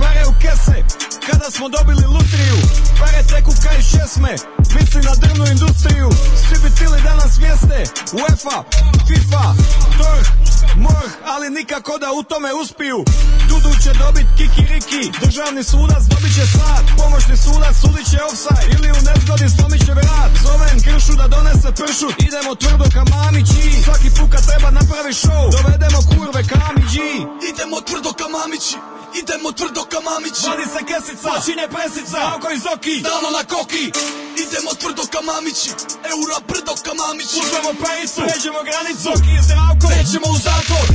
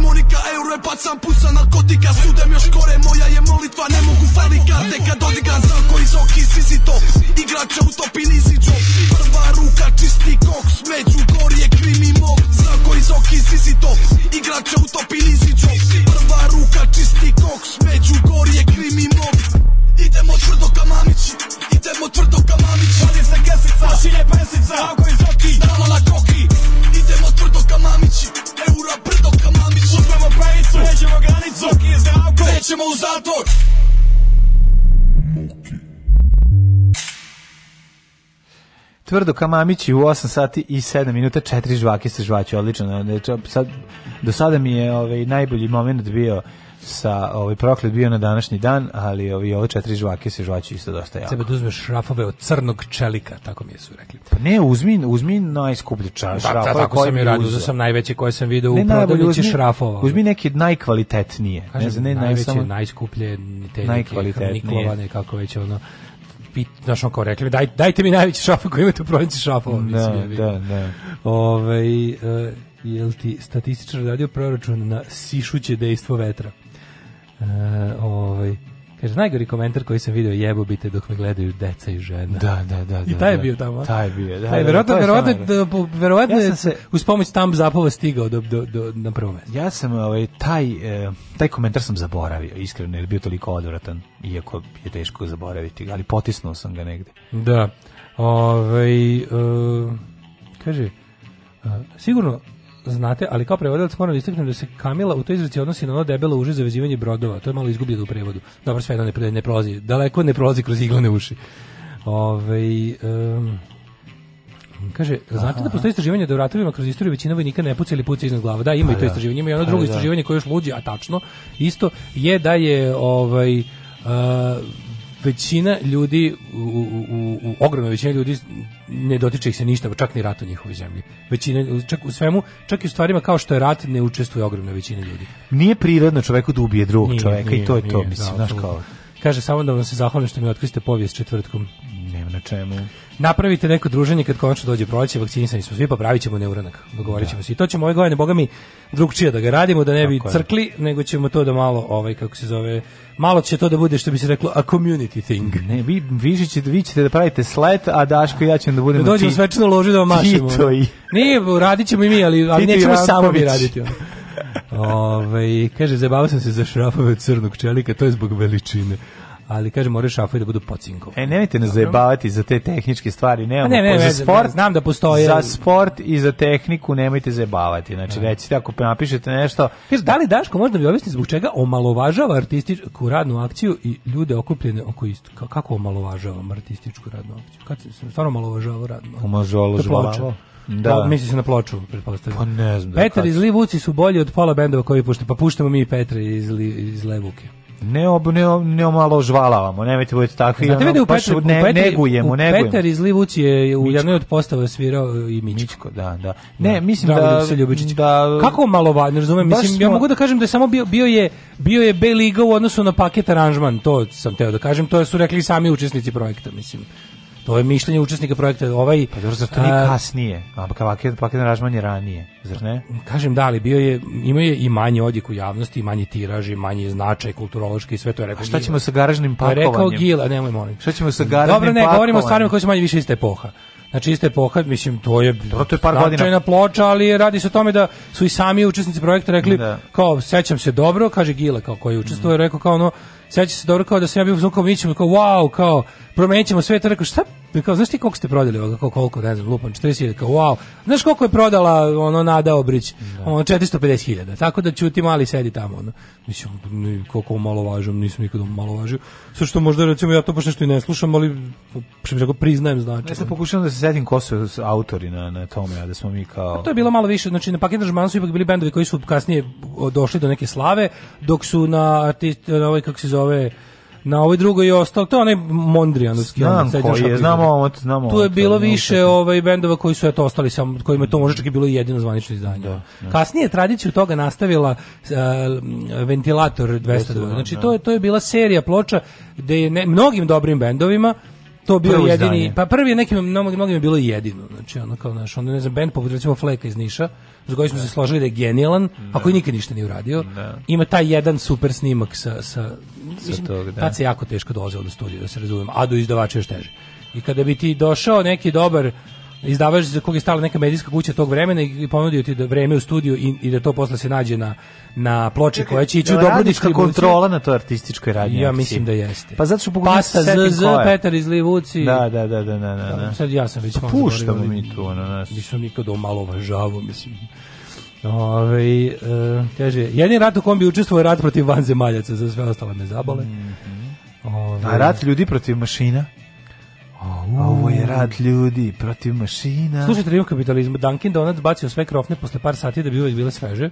I umesto da baci, jedan radnik je uzeo i podelio krofne beskućnicama i zbog toga pa dobio da, otkaz. Pa, pa da. moram da kažem nešto, pričao sam o to, ali nije zgore ponoviti.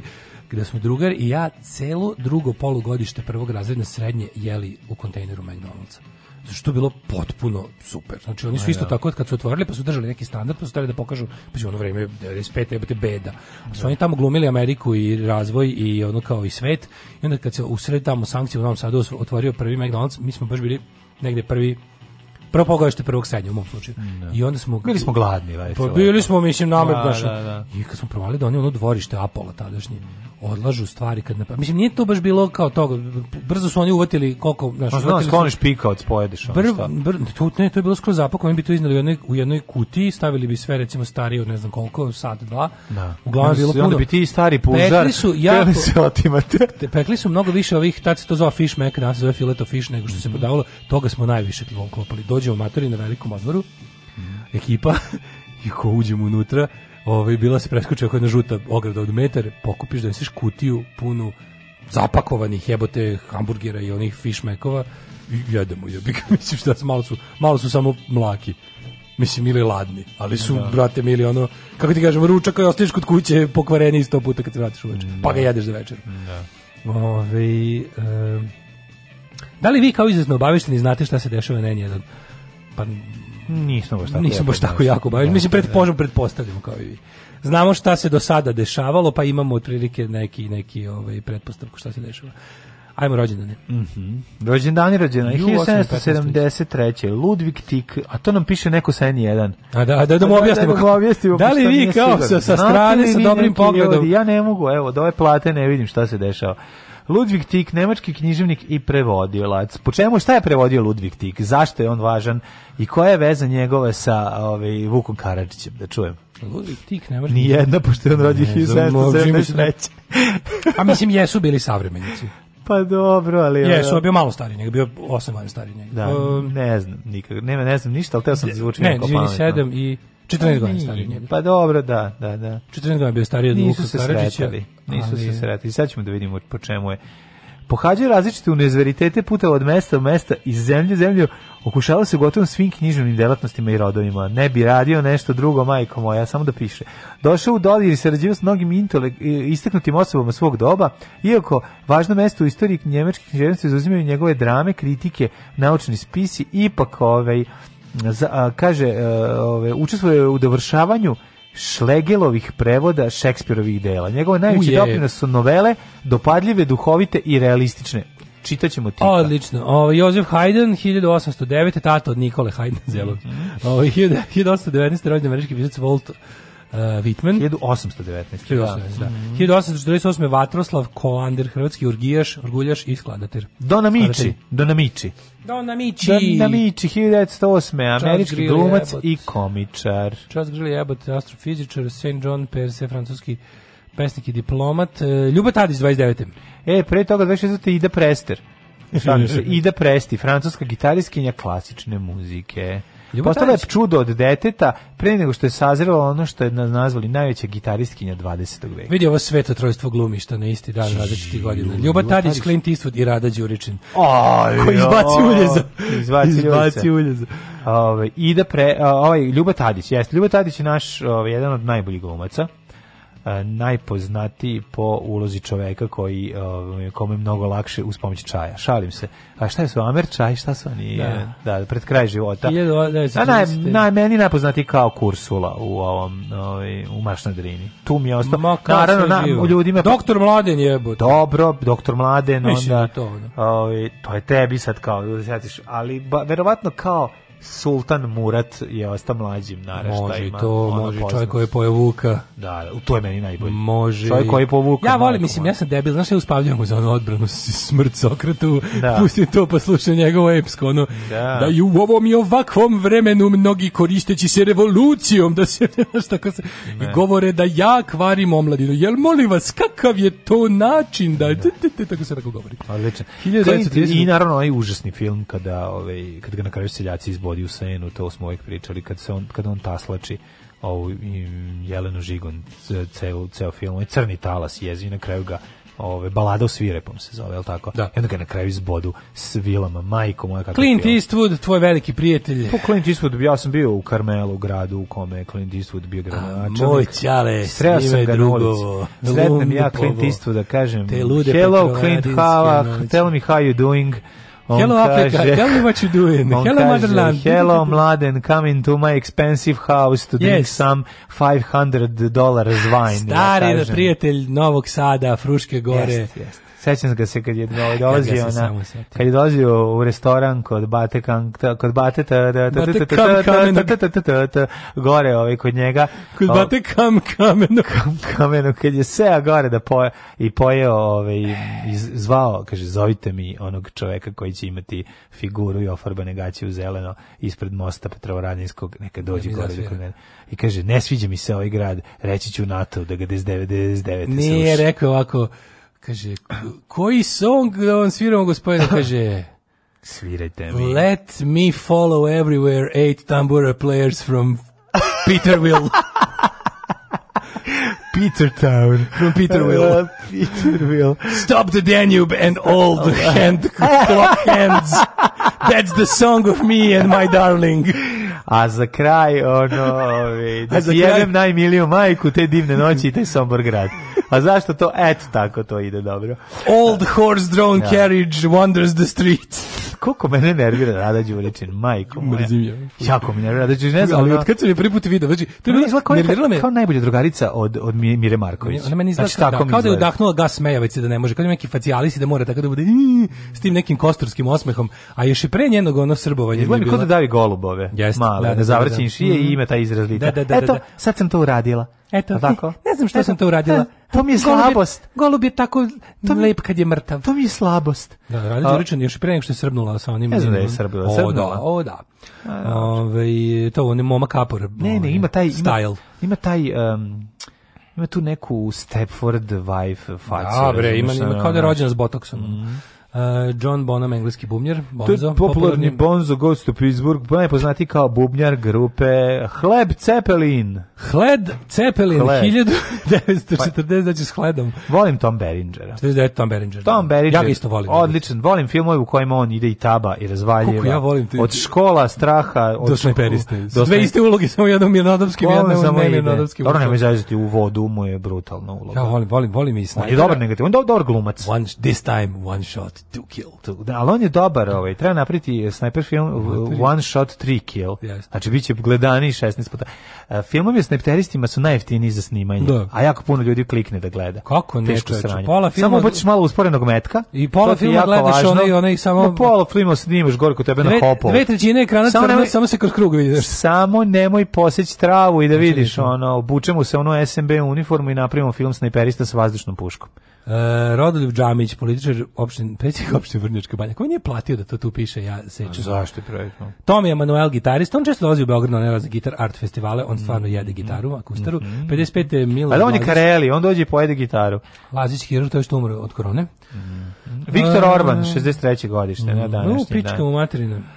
Mađarski političar... Brooke 65. Brooke, Brooke Shields. Brooke dobra. A, eh, djevojka koju smo obožavali kao mladu u filmu Plava laguna. Kasnije se i o albanskoj pesniki sa Denley Susan. Mm, 1972. Nikola Lončar. Znaš, eh, čekaj, znaš ko je rođen? Znaš ko je rođen 67. na današnji dan? Ko, ko, ko, pa Žeks, danas je veliko slavlje u zgradi Pinka. Danas je rođen Željko Danas je Željko Vintrić rođen. Želim mu... Srpski muzičar, kontroverzni biznismen, bar da. nešto ste napisali. Baš nešto pošteno, da. Baš ste nešto napisao, ne, ovo je ozbiljna stvar, pazi, na, na, na srpskoj Wikipediji će lično da je neko napisao da je kontroverzni biznismen. Želim mu puno nesreće i lošeg zdravlja, želim da mu se desi sve najgore što može da mu se desi. Želim da mu pukne A žica u najnezgodnijem trenutku. Želim da mu pukne neurizma, a ne ono da. A žica. E, uh, 1974. je Jugoslav Vasović, vaterpolista, mm -hmm. Toni Niminen, fran, finski skijaš skakač. Aleksandar Mađar, srpski Mađar. Ovaj dobro kao za rođendan želiš čoveku sve najgore, kao. Pa to je okej. Okay. To je ono umesto da um, da izduvaš sveće, zapališ par sveća no. da bi pojačao svoju lošu želju.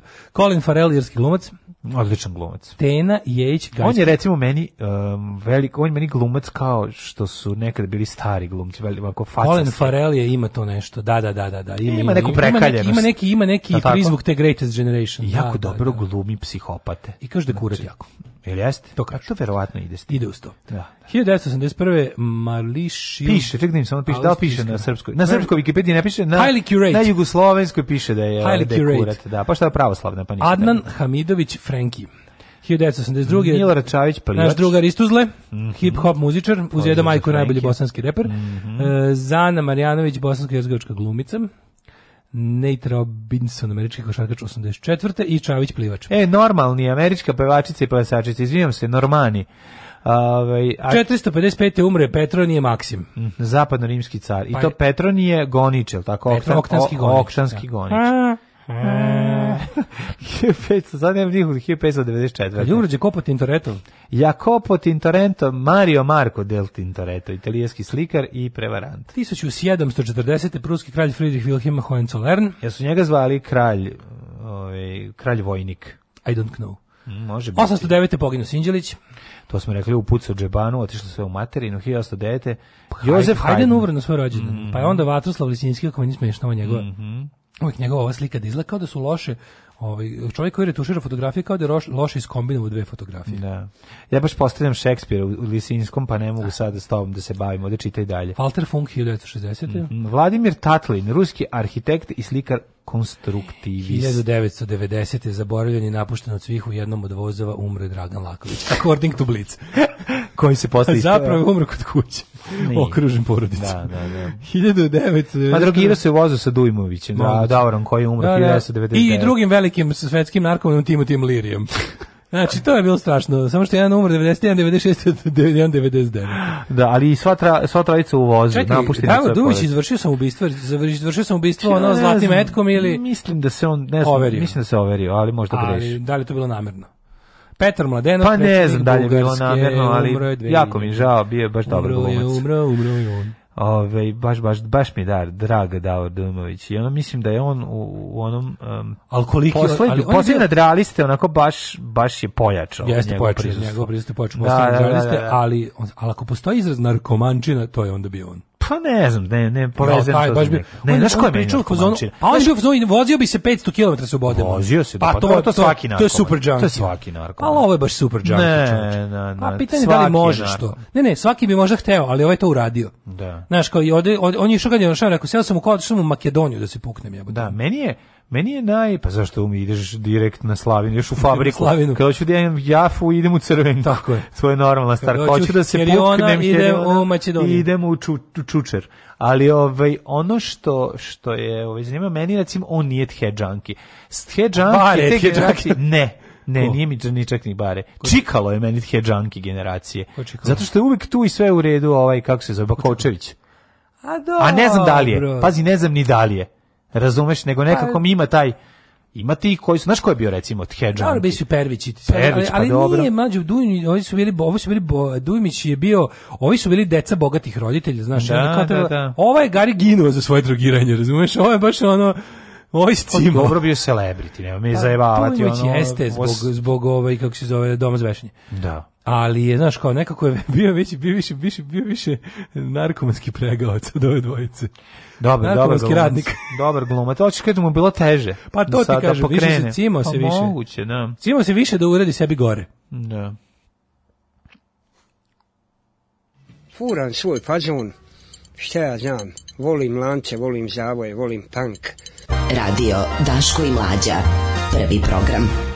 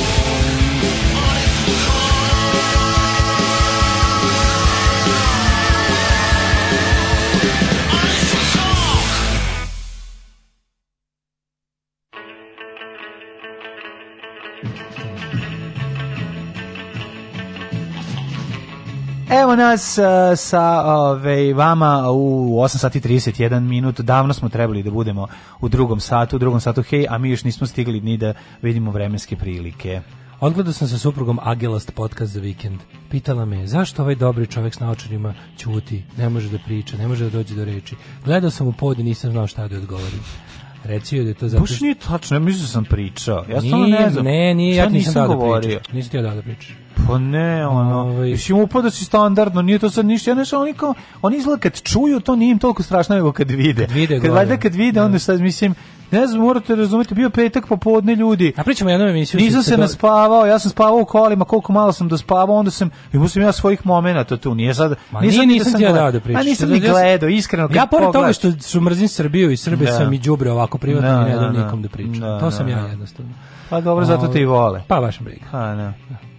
A, ovaj, kako se zove, pita lik šta, da li znate šta se dešava na N1, a vi odgovorite da, ne možete, da možete da pretpostavite i ništa nam ne kažete. Pa dajte neki trač naši pa smo. Pa ne znamo, ljudi, stvarno, iskreno. Možda možemo da nagađamo, ajde nagađamo recimo. Da pa će, nagađamo da će recimo ljudi koji su odatle otišli u, verovatno završiti na Newsu ili na ovoj drugoj televiziji što će se emitovati isto na, na režim cable. Eto, pa, mislim što da, druge nemaju ni gde da odu. Ja, nemaju gde da odu, a sad zbog čega je to tako imaju tamo... Ja, znajući neke od tih ljudi, ono što sam ja čuo, i videći na koji način su bili tretirani, ne, nijedan nije mi čudo što su napustili, tako da je, samo sam to te da kažem. Mislim, hoće ljudi i veću platu, verovatno. Ne, samo veću platu, hoće ono... ljudi da ono ne dobijaju ono, e, prazne ono i čiste tanjire nakon što 30 godina rade novinarski posao. Eto, to je možda ono, znaš, ono, i neće da budu zadnji govno nasvirali. Možda i zato, otkud znam, ima razli, različiti su, su razlozi, a sad vi ih pogađate koji su ti ljudi i zašto je to tako. Jednostavno, um, Mislim, nekom ne da- odgovara. Ako odu, ako odu sen jedan, a ne, a ne ostanu u istoj medijskoj kući koja još drži jedino novu S, jedino gde mogu da odu, a da ne bude baš skroz onako providan prelazak na režim,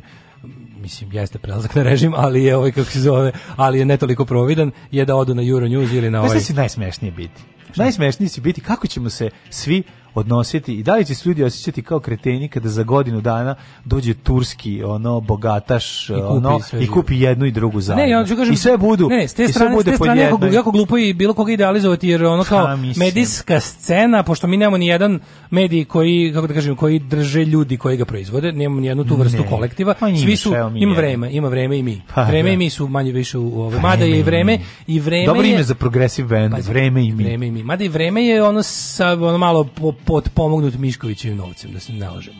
Mislim direktno Miškovićevim novcem, ali je otprilike neka vrsta ono akcionarskog društva u rukama A dobro, i mi smo pomognuti nogom novcem Vlaškog maga. Pa, dobro, dobro on ne plaća. ali eto mislim, ima. mislim da zapravo jedini primer ovaj potpuno samofinansiranih su, su nekoliko nas koji radimo radio da. da. podcast. Ostalo sve manje više. Dobro, to su male Ostalo firme, sve manje više, pa to je zato i moguće. Da, zato je znači, moguće. Znači, napravi veliku firmu. Proizvodni troškovi nisu toliko veliki. Da. Tako da nema nema potrebe da da idealizujete medijsko tržište jer ono zaista je vođeno na prvo mesto profitom.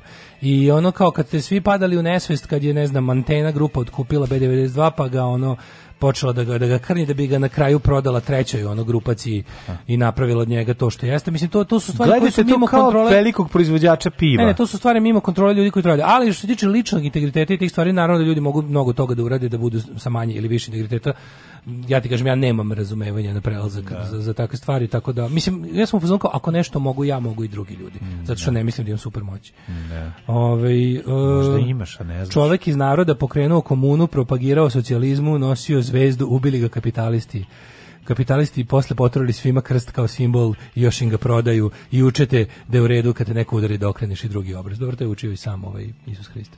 Izuzim, mislim, to rano hrišćanstvo je neka vrsta mazohističkog socijalizma. Neki socijalizam u kojem je glavna fora no, patiti. magije. Tako da Dobro, da, socijalizam s magijom. Pa, da. mislim, Ali ta, zato se, ta, time se opravdava mazohistički deo. Lako je to kad napraviš od vode vino. Mislim, ja kad bi napravio od vode vino... A, pa, onda bi, mislim, ja, ja, bi, ja bi volao od bližnjih svoga. Pa, mislim, onda bi sve to bilo drugačije. Ja, stvarno, kad pogledaš, to je jedan mazohistički socijalizam gde se taj mazohistički element pravda time. Sve će biti u redu, doći će lik koji baca magije na kraju. Sve no. Da. će to doći na svoje. A još jedna stvar, ja sam da kažem da mi neke stvari zaista ne znam. Iako se čini mi možemo da kenjamo o svemu jako puno da se pravimo da znamo, pa da to bude smešno, ali mislim realno neke stvari ne znamo. Tako da nećete verovati šta se zaista dešava tamo, koji su planovi i koji su putevi gospodnji i, e, imamo i gde mi sve ide u kom pravcu malo i ne znamo. Imamo ajde. mi neke svoje što kaže inside informacije, ali te isti pa, ljudi da. zamole da ne pričaš u interesu ono. Tako je, tako razumeš, je. moramo da budemo i mi ono, protecting our sources. Upravo to. Ovaj um, Kaže, nemojte da pravite onakav ton uh, u mikrofonima kao što Galeb ima, to je taj preamp, to vama ne treba. Mhm. Ove, ovaj, pa ne nama bi to trebalo u smislu ne da menjamo ton, ostavi nama ton isti, nego bi bilo super što ne pa moramo volko da se lepimo, gostiju, možemo. Ne, to je zbog gosti, jedino što gosti nisu navikli, mi smo navikli da zalepimo. Pa mi jesmo ovaj ali znaš kako bi bilo lepše da možemo da se naslonimo i da nemam pojma, baš bilo bi da malo lakše. Pa možda bi ne. Za 140 evra. Naviku sam da bilo malo lakše. Naviku sam da pevam pa ovako pa to da, radim. Pa upravo. Tako da nije mi problem. Ove, jedini pravi nezavisni mediji koji ne finansiraju krupni kapitali i je Srki Royal Media. Ove, da vas ja pitam šta se dešava u UNSU, dobro, tu, tu su stvari malo jasnije, a to je koga boli kurac za UNS. Da, ne, ne znam, mnogo ove, zahtevate od nas neke odgovore na, na pitanja koje su prilično. Sačekajte ponedeljak je pre podne, da vidimo kako će Dobro, se imamo, imamo, naš, kao, imamo e, prethodno iskustvo plus ono malo ne, nekih ličnih poznanstava, mislim, stvarno UNS, kao kom, znači, gde je UNS relevantan, čemu De. Da. to služi, šta je to, mislim, istorija UNSA, istorija za 30 godine beščašće uz pokušaj da se sa istim ljudima napravi nešto, znaš kao zadnjih 10 godina su doveli tamo UNS predsjednika i potpredsjednika i vrhušku UNSA da. od neke ono, kao, dovešćemo ono Miloševićeve perjanice novinarstva, ali kao iz, iz C ešalona, da ne bude baš kao naš, da, ajde manima. Da, da. Ovi. Ovaj. Ne znam, ne znam, jako sam puno razmišljam o tome šta je to, kakve sve mm, dogovore sa đavolom mora čovjek da pravi kad hoće da kad pokuša nešto zaista da promeni u ovoj zemlji, a da da proba da promeni u smislu da se nešto i dogodi. I onda uvijek vidim da da to menjanje na kraju se obio glavu tom koji je pokušao da promeni. Osam, to je isto. I tako to sam sad teo kažem, jedna osam, možda plitka misa za 8:37, ali za Mi još nismo sposob... zvanično ušli u drugi. Nisam sposobni za. Pa ne, nego hoću da stalno pričam o tome. Znaš kao mislim o ljudima, o, po, o tim pojedincima koje ove ovaj, eto tako žive kako ovi rade na nekim medijima i sada u nekom trenutku shvate da juriše na vetrenjače i da bi možda pro, možda uspeli da nešto promene u nekom trenutku, znači, a to je sve zapravo, to mi sve pokrenulo gledajući ovu uh, seriju porodica ponovo. To mi ponovo sam počeo da razmišljam o tome kao u tim međusobnim odnosima, ko se tu poznaje s njim, ko je to kao naš i razmišljao sam. ne smiješ nikad zanemariti, to su stvari koje teže vidiš zato što je to su osnovne stvari, da, jel ona to stvari je, mogu biti osnovne stvari. To da. mogu biti osnovne stvari, znaš kao te neki burazersko zemerski odnosi. Pa čak i u zemlji uređenih institucija je to faktor. A kao malo naše burazerskoj zemlji, nije, da. pa da, da, znači onda razmišljam kao šta ko tu pokuša kao i u nekom trenutku kaže ej sad aj sad ja ću da žrtvujem sebe ovaj i svoj rad kao pokušaću da da promenim zarad nečeg kao većeg dobra koji će ti koji ljudi neće videti sad meni nego će mi jebati majmu pljuvaće po meni sad zbog toga što sam ovo uradio a ja nekako kao mislim da, da je taj potez važan jer je kao ja ću odraditi žrtving, a to će u budućnosti ovaj stvoriti nešto bolje. Eto to, a dalje Imaš to neki moguće. primer takvog? Pa, ja, meni pokušam, ne mogu da se setim ni jednog. Pa, ne, ja sam, ja sam Znam što hoćeš da kažeš, al ne mogu da pa da se setim. Pa ja o tom uh, o tom uh, u situaciju koji se našao Đinđić kad je morao da pravi kompromise da bi sklonio ovog. Pa dobro, to, to je super stvar. To, to što on uradio tad ja ga samo zbog toga volim. Pa ja ga jako volim, ali s druge strane dobio i uveo je mislim ono crkvu u, u školstvo. A to misliš, a pa taj pa, za taj pot, pa evo primjera. Da. Ne, ne, ne, ne, Hatis ka potez Hapšina Miloševića. A to je bilo, više, a to mu je bio glup potez. Znači tu je potpuno ispod glup. Znači davanje, vraćanje veronauku, ali ti, ništa mu se ni. Ali to je bio uslov da ovi, a to je bio uslov da ovi da ne, ne, ne pokreću ove svoje ljude. Pa platio glavom i, i, opet odveo, razumeš? Pa sve okej, ali E, ta vrsta prekinuo jer to je bio truli kompromis. To je bio truli kompromis. To je kompromis pa, u kom ti u kom ti uradiš nešto, dobro. a druga strana to vidi kao tvoju slabost Ajde, isključivo. Pa ali i kazni. Ali kako je drugačije moguće u Srbiji? To samo hoću da ti kažem. Silom. Pa silom, to Znači, znači druga 45 samo. Da, 45 da. Naj, najbolja godina u istoriji Srbije.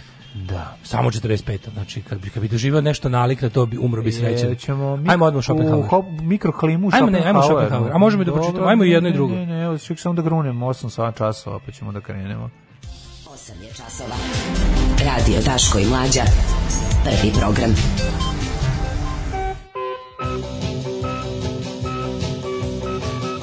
Evo, ugodio sam ovaj raspored malo promenio. Kaže čemu on služi DBX kompresor? DBX kompresor služi za to što mu ime kaže. Za kurate znači, glasove. Znači, za kurate glasove. On no, da, da. zaista no. puno na, i prvo je služi kao equalizer za razne stvari. Ima plus, nekoliko modela. Ima, ima. ima, ima imaš mod Lordan Zafranović, imaš Mića Orlović mod, imaš klikneš, da, ali kakav hoćeš To mi je kao ajde recimo ako ako svirate neki instrument, to je neka vrsta gaina za vokale i dobijaš, dobija malo taj vokal, dobi i gej zbog možemo, su naši, a I zbog njega možemo da baš ne guramo mikrofon u usta, plus ne moramo da miksetu prepanjujemo. Šta je Tako da ovo? da vidite kako je dobar. Šta je ovo? Ko je ovo poklon iz kurira? Šta je ovo? Evo, pomozi mi. Zeko. Pozi, zeko, peko. A što ima zeko unutra? Jedan mali Aj, zeko. Čini piše, verovatno. Piše poklon, piše. poklon, poklon poklon, poklon, možda je na drugoj strani. Unutra neki ljigavac koji treba da se valjda tek razljigavi. Poklon, poklon. E, vidi, unutra ljigavac koji ću ja sada toplotom svoje, tjelesnom toplotom da A, da pretvorim. Ligus. Liga, Dragan je Vučićević poklon u kuriru. Gostovanje Dragana je Vučićevića u kuriru danas. Evo, ja ću pa- da ga napravim, da ga stavim u formu u kojoj je naviko da bude. Jel ljigavac, jeste? Ja miriše malo. Jel možda sapun? Nije sapun, samo ne, pravi ljigavac. Samo da, dobro, dobro. Ove, ovaj, um, ajmo da vidimo kako nas temperatura očekujem. E da, ovi vremenske prilike. Danas, ajmo ovako, 11 stepeni u Subotici, Sombor, isto toliko, Novi Sad 12, Renjanin 13, Kikinda 13, Banski Karlovac 13, Loznica 12, pa onda ove, razmišljam o Mitrovici gde je 12, Valjevo 12, Beograd 12, Kragovec 12, Merska Palanka 13, Veliko gradište 12, Crni vrh 6, pretežno je oblačno svuda. A glasa sam malo da rekla istu ovaj artistički radne akcije. Da, to što si rekao, znači to su to je to je stvarno bila bela igra odnosno paket aranžman, a pokuša Jugotono da uh, tri meseca, 4 meseca posle paket aranžmana izda kao isto neku neku vrstu punk i new wave pregleda beogradske scene, pa tu ima ima i dobri bendovi, ima i glup, užasni bendova. Ima ne znam, ima to Petar iz Livuci, ne znam, Pasta za za, ima i ono neki TV Moroni, defektno, efektni, pa urbani, TV Moroni su bili loši. A, nisu bili loši. Te Moroni, pa, ne mogu se setiti. Baš je druga liga. Ono. Pa Urbana Gerila, kako je sad? Ne, druga, ne, teška druga liga. Ono. Ove, ovaj, um, dok si stigao? Počela je kiša, bladi hell. Jebe mi mate, počela dok sam dolazio još na bajsu. Eh. Uh, Crni vrh 6, Negotin 16, Zlatibor 7, Sjenica 8, Požega 12, Kraljevo 12, prijemi ovaj Ljigavac. Koponik 2, Kuršumlija 12. Ljiga mi ovaj prijavac. Ljiga mi ovaj prijavac.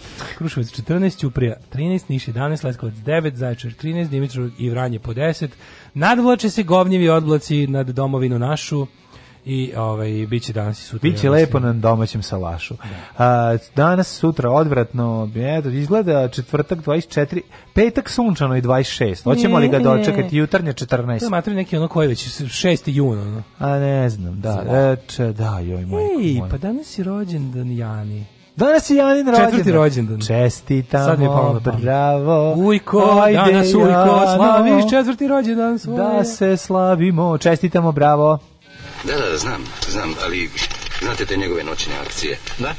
Vidite klati ljude u sred grada. Malo je nezgodno to. Velegrad je ovo.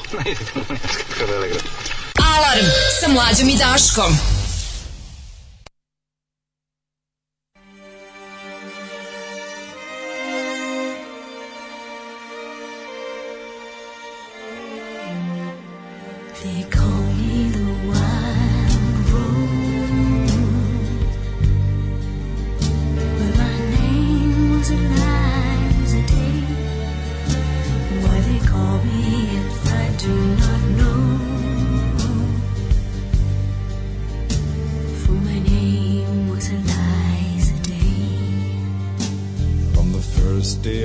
saw her, I knew she was the one.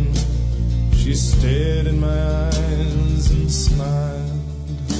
her lips were the color of the roses that grew down the river, all bloody and wild. When he knocked on my door and entered the room, my trembling subsided in his sure embrace.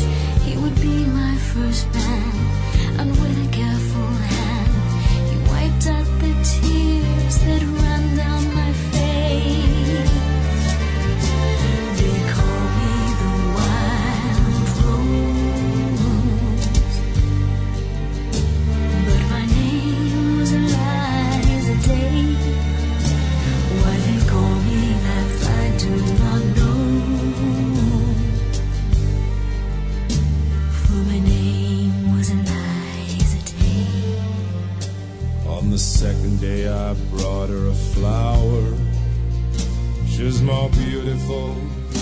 than any woman I've seen. I said, Do you know where the wild roses grow? So sweet and scarlet and free. On the second day he came with a single red rose. He said, Give me.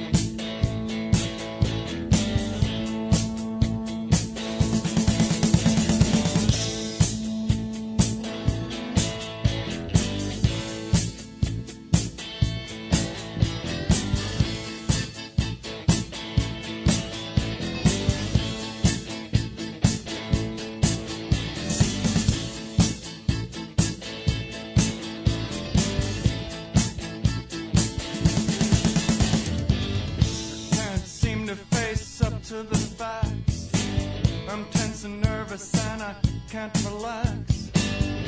Can't sleep cause my bed's on fire.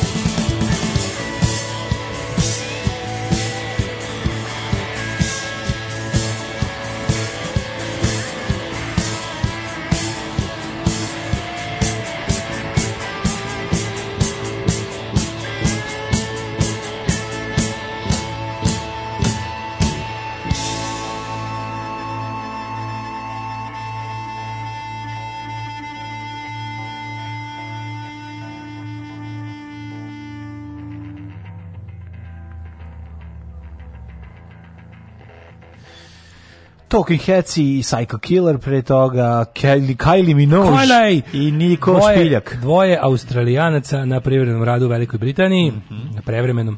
Ove, ovaj, da, Kylie Minogue i Nick Cave, najveći hit Nika Cave-a. I ne najveći hit na Kylie Minogue, ne, ne. ali svakako ono što je nju obacilo u orbitu ove intelektualštine, jer pre toga mhm. bila samo cura lakih nota iz fabrike hitova. Uh, e, ćemo vidimo što smo imali za vikend. Pa imali smo za vikend mladene moje rosno cveće tje sednicu of the main odbor. Mislim, kao i sve ostalo, sveći kako to bilo najavljivano, bilo čak i u opozicionim medijima, vidjet ćemo šta će biti u subotu, veliko čišćenje redova. A ono, od celog sranja je bilo Nebojša Stefanović sam podne ostavku na mesto beogradskih naprednjaka. Pa da. Za sad mu nije pipnuta nijedna državna funkcija, kao u stranci je sada... Pa dobro napravio Tomin. Tomin, Tomin, izbor. Tomin Gambit. Tomin izbor. Tomin Gombi. Gombo pa, se kod Toma. Tomin Gambit. Moj, ono... Ne, Toma je drugčije. Povuci si sa... Toma je drugčije nešto uradio. Mislim, jeste u principu sklonjen kao Toma, ali e, da malo uđemo u analizu, pa imamo ono kao razliku u tome što recimo šta je radi, ovaj mislim on nije vođio Slav Gajtan da se besi nego je ovaj otprilike sam primetio da je zbog e, zbog mimo njegove volje, iako znaš, nije on baš priznao da je zasrao i da je ne znam šta, nego više rekao kao ono, meni nini važno da li sam u pravu ili nisam, meni važno da naša stranka funkcioniše, a pošto vidim da trenutno jako hoće funkcionisanje stranke, ja ću da se sklonim jer partija je veća od svakog od nas pojedinačno. Da, ja, priznajem, moja... ja priznajem sud svoje partije, a da ne bi do, da. doživljavao sud svoje partije, ja ću sam sebi da, da i moja, iznesem presudu. Moja njiva je veća od svih u Bajčetini, sad dovoljno velika i ne moram više Tako da je, znaš, a pri tome je Dragić ostala, ostala kuća u centru Beograda naravno. Drug Slina je uradio isto to. Mislim, prvo nije ostao... Drug Slina iz, izbijeno oružje iz ruke, nakon što su ono, nakon što je Slinina ekipa, ne znam si seriju. Slinina ekipa. nakon što je Slinina ekipa, ono, rasformirana. Mislim, ajmo sad vidjeti realno. Nakon, nakon ove, to je sve krenulo sa... Ove, dobro, krenulo mnogo ranije, ali može se reći da je pad da je pad e, ovaj Hrkalovićke i ove ekipe da zapravo to, taj... ostaje pitanje, da li su oni hapšenjem Belivukove ekipe izbili pešadiju u Slininu? To mi ne znamo. Pa ne to još znamo, nije, ali, to pa čak možemo, još nije možemo da jasno. da spekulišemo. To čak nije ni jasno baš skroz. Nije, mislim to to se to se da, to možete spekulišemo i sad pa, to da. što zapravo meni je tu čudno što tu priču najviše guraju režimski mediji, znaš, ali onako suptilno. I onda kada A ne ti... guraju, da je gure, gure, niko, gure, niko ne pominje to, to, to mislim. Pa, guraju, znaš, ono, na način na koji, način na koji, recimo, su, kako ti kažem, ba nisu baš tako, naučili su iz primjera tome da se to može uraditi sa mnogo više dostojanstva i sa mnogo manje štete po rejtingu. Mislim se da to samo pre... sa izguravanjem tome je samo prećeno. Vučić ima jedini e, osetnik, osetnik, nedovoljno da ga da. slušali. Pad rejtinga ima u vezi kad je kad je izguravo tomu. To je tu je bilo zajbano jer su oni baš onako baš pa su bili nokati meso. A pa zato što su krenuli sa ultrastaljinističkim metodama da. tipa ono sklonili Ježova sa slike. Da, mislim, da, ja. Sad da. ovde da ne bi opet jebali Ježova. Kako je dobra ta fotografija da. gde Vučić. Pa sad, sad ne, ne rade baš sad nema. Sad ne rade to. Sad ti dalje. Fotka, ovaj ide po ne to kako je ovaj Nebojša na da. slici, da. pa Nebojša... On je ježova, a Stalin. Da, da, Ali da. se primetio recimo da Vučić i dalje, Vučić je odoleo da prođe, prošla je cijela stvar, sklonio ga iz, iz stranačke organizacije. A, nema, ja mislim da nema potrebe da ga sklanja sa ministarskog mesta, jer ova vlada će svakako uskoro pasti, jer treba ovaj, lepiti izbore za sledeće ove redovne izbore. Da. Znači, mi ćemo imati izbore za novu skupštinu, samim tim i novu vladu zajedno sa predsjedničkim i ovim, kako se zove, lokalnim. Tako da ova vlada će da ako pogledamo da je sada ta ova vlada će imaš efektivno manje od 6 meseci rada. I za tih 6 da. meseci on stvarno ne može nikakvu štetu veću napraviti I nema, nema potrebe da, pri, da se prikazuju kao, znaš, nema potrebe da se prikazuju kao razjedinjeniji i, fra, i, i, i fraktalniji i ostalo nego, nego što jesu. Da, I, ali ona druga stvar koja meni stvara ovaj, zapravo mm, mi teoriju zavere u glavi, živim sa teorijom zavere u glavi, ali ovi, ovaj, e, nisi primetio da je zapravo mm, odlazak Nešin sada je zapravo, čini mi se, krenuo sa biološkim odlaskom njegovog oca. Razumeš, kao da to možeš, možemo to, možda možemo to povezati. Da zapravo jer Ima, ako da je on, da povezivan sa trgovinom mislim pa ne njegov otac jeste trgovac yes, oružjem pa to, je, to je to je činjenica kao čovjek se bavio prodajom oružja i da zapravo te pozicije koje su mislim cela priča je krenula zapravo oko trgovina kad kad je krenula, kad je pukla tikva da. pukla je na, na, na toj priči mislim pukla je onda se odjednom pojavila ovnice što kažu da je ovaj njima vratio za za oni vidi meni se jebava da. vi meni se jebate poruči biznis sad ću vama vama da da da i ali je tu nešto interesantno da nije sad priča kako sam kao sveti da da njegov ćale zapravo i umro od toga što su ovaj E, na taj način bili oni jel. Znači to su sve to su čašinske priče, čašinske priče. Ali da, je fora što nekako je i meni interesantno recimo da njega Vučić onda u tom trenutku posle svega toga Vučić njega stavlja na poziciju da je još više zapravo u mogućnosti da se bavi stvarima jer on je većinu tih nekih Pizdar je obavio kao, pred, kao ministar policije u punom, izguro ceo mandat. Isklonio ga sam to mesta i stavio ga ministra vojsku. Pa znam ali vojska je trenutno, pa kako znam, ti rekao, zadnja rupa na svirali. Pa jeste zadnja rupa na svirali, ali je, ali je važ, instrumentalnija je u izvozu oružja od MUPA.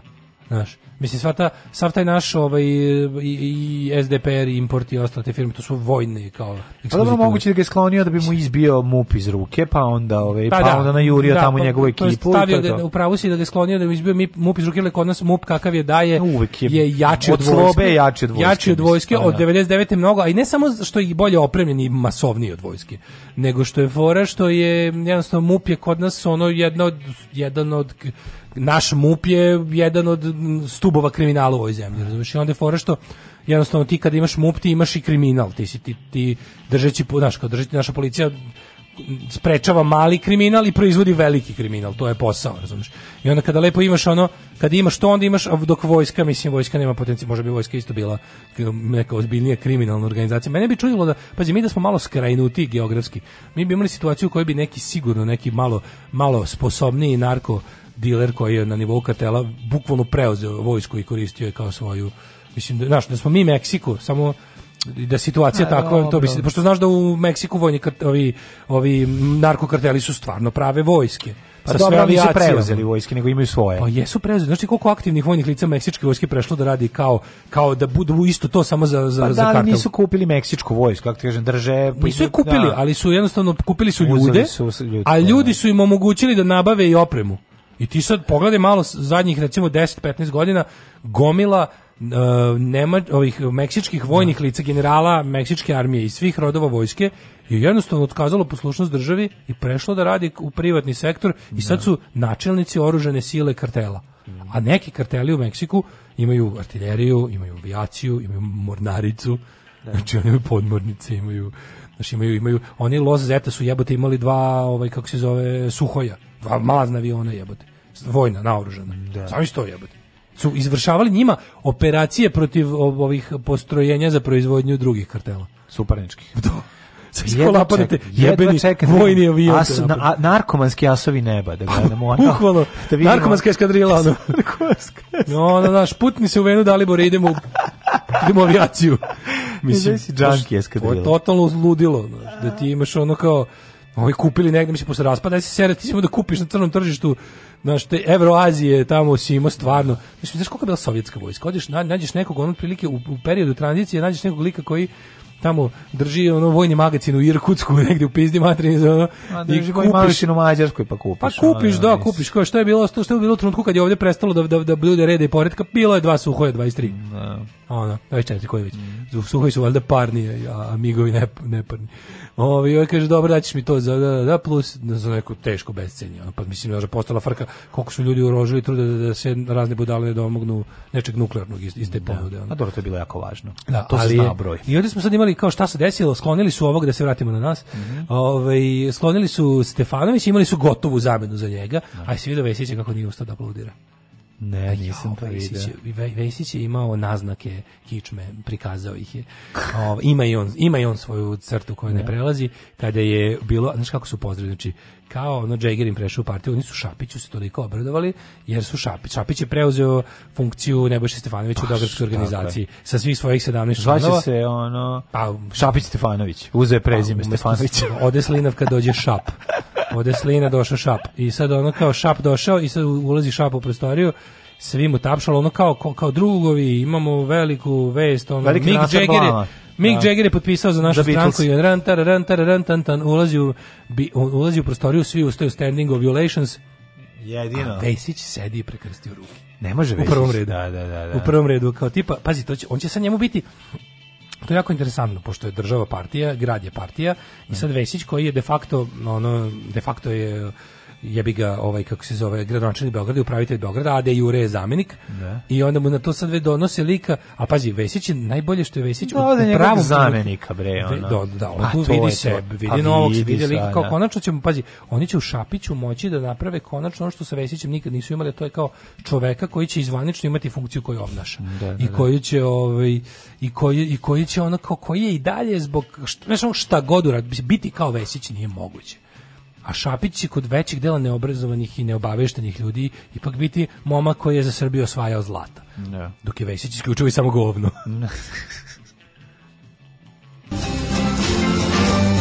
Da. stop, stop, stop! Kaj te sviraš? La pa, bandu.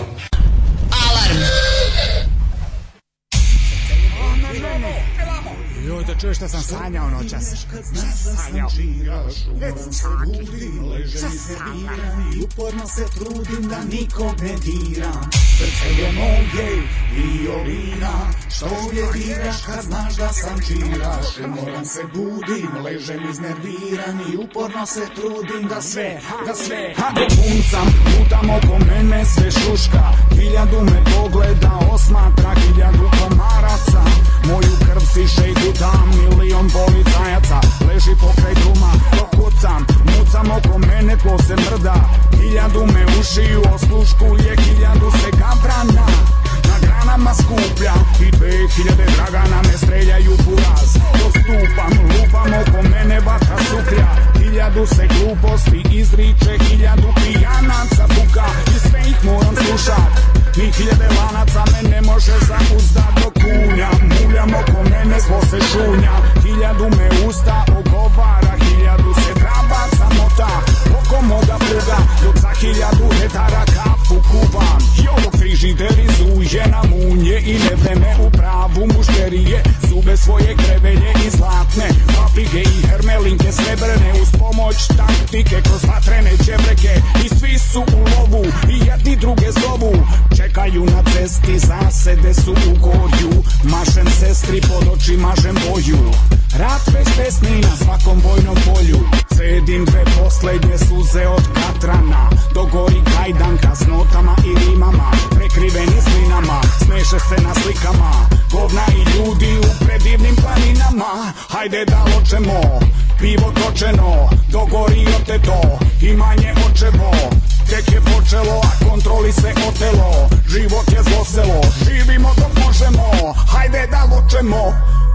otočeno Dogori sitno seno pokošeno nekošeno Kako se sijalo, tako se požnjelo Život je zlo selo, pričajmo šta hoćemo Čujte, ja sviram harmoniku E baš će ti to glavu spasiti Gubi se tamo Život je zlo selo, pričajmo šta hoćemo Neko dana furamo jarama, uveče ločemo pivo Točimo kubik, ima puta magla Ne može da stane u sobu kafane, al hiljadu jedna slika Nasilja u toj prostori svane Trupo nebo, krvavo zlobno, kiselim katima poliva glave Ulice gore, mi se otrovi kulja sa vrata One kafane, hiljade očiju sakriva nameru Prstima pretnje utokom svete Kažu mi brat, s ovom je samo sam rekao, nemojte srat Spuštam gas, slušaj bas, čaka moj brat Šaka u zrak, sad za šah, dobit ćeš mat Štaka od ishada te grize za vrat, ne pomože može krema ni pudar za bal Hoće ti po zonu kašmira šal Možda si čuo, zaslužno leto Cela Evropa je postala geto Paris, Dakar, Bački breg Sijamo ko slatki greg Sipaj do čepa, nagari flow Neka traje, sjedom i traje Sound system dresira Vraća kući lesija Sa zvučnika se tjedi mat U moću lebac sesija Opasno se trenira Težak bas preferiram Perforiram va bubne oprekik Što se ne repetira Na ovaj sound seče vene Ceo glavni grad Čaka pali ring ispri što vodi vas u had Naš Mračna je ulica kao i svaki iz perspektive Gliba i praha stojiš u blatu Gledaš ka nebu, leđima ranac, nogama lanac Lisice nam vezuju, jer ubili smo matru Sve će za lap, kali fed up Veliki pozdrav Harisu bratu Dan je borba, jedu borbi Jede kapa za glave u torbi li strela u mozak tvoj Možda je ovo tvoj srećan broj Stojimo pokret zvučnog zida Čuje nas cela korona Uz locenu blatu, uz locenu blat Kiša i magla, beda i jad Hajde da ločemo Pivo točeno Dogorio te to Imanje očevo Tek je počelo, a kontroli se otelo Život je zloselo, živimo dok možemo Hajde da močemo, pivo točeno Dogori sitno seno, pokošeno, nekoženo Kako se sijalo, tako se požnjelo Život je zloselo, pričajmo šta hoćemo Da li je ovo bio Digital Warfare? Jeste, Digital Warfare i Fat Chaka, zlo selo. Zlo selo, mm. pali mhm. ringiš što vozi na suhad. Odlično, odlično stvar. kaže ovako... Ovaj, uh, e, Nimirović u drugom redu nije ustao, njih dvojica su uhvatili buket, pa su sledeći. Mirović, boga mi mislim da nije, to je da. deep, deep crime. True crime, što bi se reklo. A možda su i njihovi međusobni odnosi takvi. A možda to, da. ranije, ko to zna, znaš, i to, mm. to ne znamo mi. Ko je bio pustio Wild Rose u dupe Gecoki, no homo, Ste gledali Sound of Metal, vrlo dobar film, Fader mi među boljim u ovom veku. Hoće li biti reči o banjcu? Mađo, će biti reči o banjcu. Evo da ja se izvinjam samo nešto. Oni su jedna firma, mi smo druga. Jako me zanima. To što oni rade, mislim, to su naši prijatelji, to sve, da. ali mi njima ne možemo da kažemo šta da rade. I oni kad urade nešto što se nama ne sviđa i vama, mislim, to nismo mi uradili, mi nemamo s time nikakve veze. Znači, kako da vam kažem, ovaj, Oni odu na Balkan Info, mi ne odemo na Balkan Info. Oni se slikaju, mislim, Dime se slika s gradonačelnikom, mislim, ne slikao, mislim, ne znam, jako puno ljudi nam je pisalo uh, i, i, danas poruke i meni privatno i ovako kao zašto se on slikao, ne znam. Pa uzmite pa, tačan pa, odgovor je ne, ne znam. Ja, Da li bi se ja slikao, ne bi. Da li mislim da treba da se slika, mislim da nije treba da se slika. Da li mi je to bez veze, jeste. Da li treba ići Balkan Info, naravno da ne treba. Ali Uh, mislim, možem, tu, ako ste teli od nas da čujete da nam se to sviđa, naravno da nam se ne sviđa, ali je ovaj, ali mi ne možemo da utičemo na to. Mislim, imamo se kao da neko želi da želi da, da, da, da vidi našu ulogu u svemu tome. Našu ulogu u svemu tome je tačno nula. Ja ne razumem, e, tačno ne razumem samo čemu ove, ovaj, 48 poruka. Mislim, može da. samo jednostavno da ne pročitaš. Ja ne, ne razumem, baš im bombarduju pa ne, interesantno mi je, ba, vidim da, da to pa ljude zanima, pa znam, pa rekao, da, ajde kad da. pišu toliko.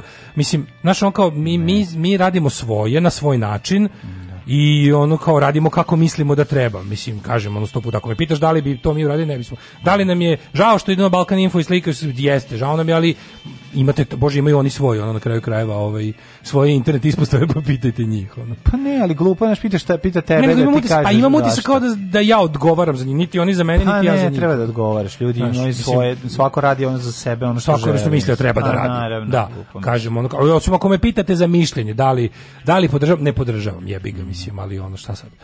Ove, um, možda je gradonačelnik htio da se slika sa najpoznatijim novosađenom. Pa to, to ćemo, mislim, i to je sasvim moguće. Mislim, videlo se da, videlo se da je to bilo, način na koji je to urađeno je taj da ono kao super, ukazalo mu se dobar prilika koji iskoristio, ali kako je to slučajno preneo vazda objektivni i, i nehajni i, i, i svemu ovaj, baš nekako lepo namešteni NS uživo Pa to ti kažeš, pa misliš ko je preneo, znaš, ono to je, da, to je ovi, kako se zove, ono... Mislim, znate što imamo problem? Vi od nekih ljudi očekujete veći politički angažman nego što ga oni re, realno imaju. Znači, um, Mislim, ja samo hoću da kažem da, ono, da on nema nikakve veze sa SNS-om, ako ste to hteli time, da ono, znači nije, ne, nije angažovan politički i ne radi čovek ni, ništa u ne, vezi nego, sa tim. Nego ljudi, Ali to je ono što ljudi da- ne samo žele ne, ne samo, ne, pa da, ne mislim. samo da nema to, nego nema... Ha. Nema, ovaj, ne možete od nekih ljudi... O, Iako su to, mislim, iako su, iako su mi bliski, onda kao mlađa radi sa njima i to sve, ali kao to je jedna stvar, ovo je druga stvar. Zato mi imamo pa- ovo, na, zato ovo naše ne ide, zato ovo naše nije vezano ni za jedan mediji, jer mediji su kao što smo videli, kvarljiva i potrošna roba. Zbog toga smo se mi na kraju krajeva i posle gombanja po medijima odlučili da budemo odgovorni samo sebi i vama. Da recimo nas možete da pitate za naše za naša dela i vama ćemo rado odgovoriti za svoja dela.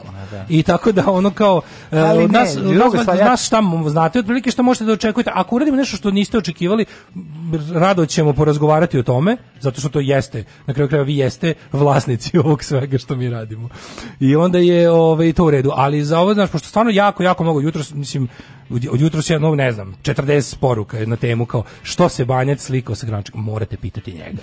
Da. znaš, to je sve, morate pitati njega. Ali ja, ja i kažem, ako mislite da je u pitanju prelazak ovaj, u SNS tipa Šapić, mislim to se to se neće desiti. Eto to sam isto htio da vam kažem. No, da, mislim, Ali jednostavno mi, mi, dešava, znaš, vre, život me naučio i bivanje na kakvoj takvoj javnoj sceni me naučilo da stvarno mogu da odgovaram samo za svoje postupke. Mogu da kažem ako me pitate da nešto prokomentarišem, da kažem da mi se nešto sviđalo, ne sviđalo, to ću vam uvek rado reći ja. Da. zato što je to mi je na kraju krajeva i posao, zato me i plaćate. Ja. Da. Ali to kao ali da ja sa nešto imam na to utice ili da ti ili da ja mogu nekog da da ja nekog mogu da ocrnim ili ili ovaj ili popravim jebi ga mislim, teško. Ne, ne. Teško, mogu da kažem šta mislim samo. Ako vas, je mislilo šta, ako vas je zanimalo šta mislim, eto mislimo to. Ove, ovaj, e, ljudi koji slušaju vas dvojicu 99% gledaju državni posao i slažemo se uglavnom s vašim mišljenjima, time obuhvatimo onda i kreativni trio državnog posla. Mislim da ljudi smatraju da su i ona trojica na našoj strani, pa zato pitaju pa jer sa vama imaju neku vrstu kontakta. Na sve to slušamo vaše emisije i o patnjama u WC-u pa su smatrali da mogu da pitaju. Možete da pitate, naravno, za Boga sve možete pitati. Samo, samo da se ne razočarate kad nemamo ovaj, kad nemamo tu vrstu utice koju vi mislite da mi imamo.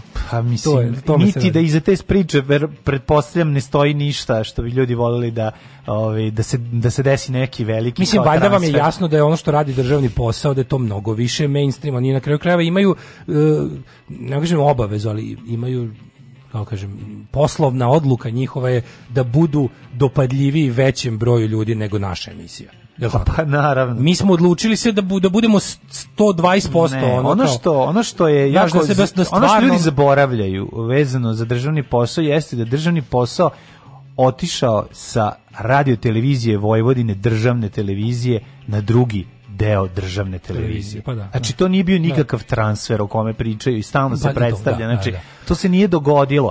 Druga stvar, vlasništvo projekta nisu njih trojica. Znači, to morate da razumete, ta, taj projekat je nastao na radio televiziji Vojvodine. Jeste, Oni nisu vlasnici e, žiga državni posao Znači, ne da, da, da, možete da, uopšte povezivati. To je ono suština što ljudi ne razumeju. A onda kad im to objasniš, onda ili hoće da prihvate da to je tako ili, ili neće. Znači, da, jednostavno će reći Dakle, to je suština priče. Znači, nije to njihova prćija pa da oni mogu da je vuku i vode gde žele, nego su uslovi u kojima da, ti možeš raditi da, to, ako ćeš da ti ostane taj ta, projekat, ako će moraš da posao moraš imati neke, imenom. tako je, moraš imati neke praviti kompromise. A sad da, mislim kažem, da ovo, ovo poslednje, ne verujem da ima bilo veze sa tim, to je jednostavno. Aj mislim, ajde ako budem pitati baš da. za moje mišljenje do kraja, a verujem tako znači nisu sigurno Vučević i Dime izašli zajedno, tako nego je. su se negde sveli ovaj iskoristio. E upravo. E, to. E sad ja bih ga da li bi ja dozvolio Vučeviću da me stavi isti kadar ne bih, ali to sam ja. Tako, znači da, ono da. kao tako da, ne verujem znači ne verujem da iza toga stoji nikakvo nema nikakvog druženja. To, isto moje mišljenje isto, isto kažem, nemam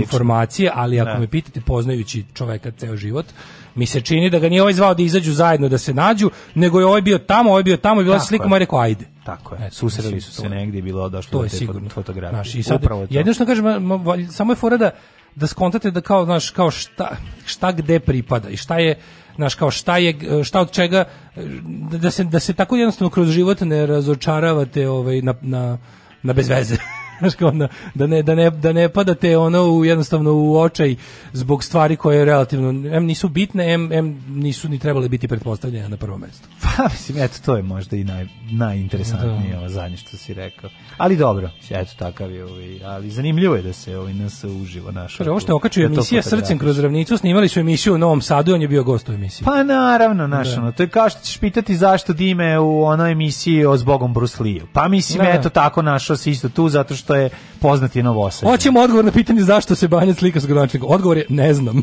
Pa evo sad su vam pa rekli zajebala odgovor. Se, pa da, da, dobili su. Odgovore ne znam. Snimali su emisiju o srcem kroz ravnicu. Eto. Odgovore ne znam. Mislim, niko od nas ne zna, realno. Ono šta se desilo, bilo je snimanje emisije. Vratite se na to da stalno upadam u reč, to bar znam da objasnim. Da, da, da. Ove, e, šta smo imali? E da, ajmo malo, zagre, ove, kako se zove, uh, zagrebačke prilike. Velika stvar za Zagrebu. puno srce, sinoć, čoveče, kako mi je bilo drago. Znači, ali naravno da ja da bi da, bi, da ne bi srećan otišao u krevet, ja nađem nešto da se iznerviram. I onda prvo gledam vest o ovaj kako se zove. Pa dobro mi se velika stvar za ne davimo Zagreb, ovaj pobedi u Zagrebu. Jeste, znači ono što kaže zeleno zeleno ovaj crvena koalicija, mm. ovaj za, za balkanske prilike ono za, za balkanske prilike u 20, 2021. najlevlje nešto što je se probilo u politički mainstream. Ovaj, e, pored toga što je levo je dosta važno da je to stvarno stvar koja je dosta samonikla, razumeš i da je ono kao to oni jako dugo rade, to je bio jednostavno jednostavno se isplatilo ono što ljudi na čemu su ljudi radili postupno i, i dosta dugo. E sad, mm. tu se isto može povući dobra paralela sa Nedavim Bograd, ja, ja im želim isti takav uspeh, jer ono što je meni bilo drago i što mi je bilo pozitivno, najpozitivnije zapravo kod Nedame Beograd i kad naprave neke kikseve i kad naprave stvari koje su meni ovaj, potpuno neprihvatljive, tipa loženje na drita na juru i mešanje u stvari ovaj, u Crnoj Gori na taj način što mi je potpuno bez veze i nije u skladu sa ostatkom njihovog grada, ali ovaj, ono što mi se jako sviđa, jedna od stvari koja mi se najviše sviđa kod Nedame Beograd je zapravo ta neka vrsta, da kažem, partijskog političkog rada koji nismo videli na našoj političkoj sceni jako dugo koji smo zapravo videli samo kod Srpske napredne stranke. I gde su oni razvijali organizaciju. Izašli su formirani su ad hoc tako kako su formirani. Uh, izašli su na sad pričamo da mi Beograd ne možemo.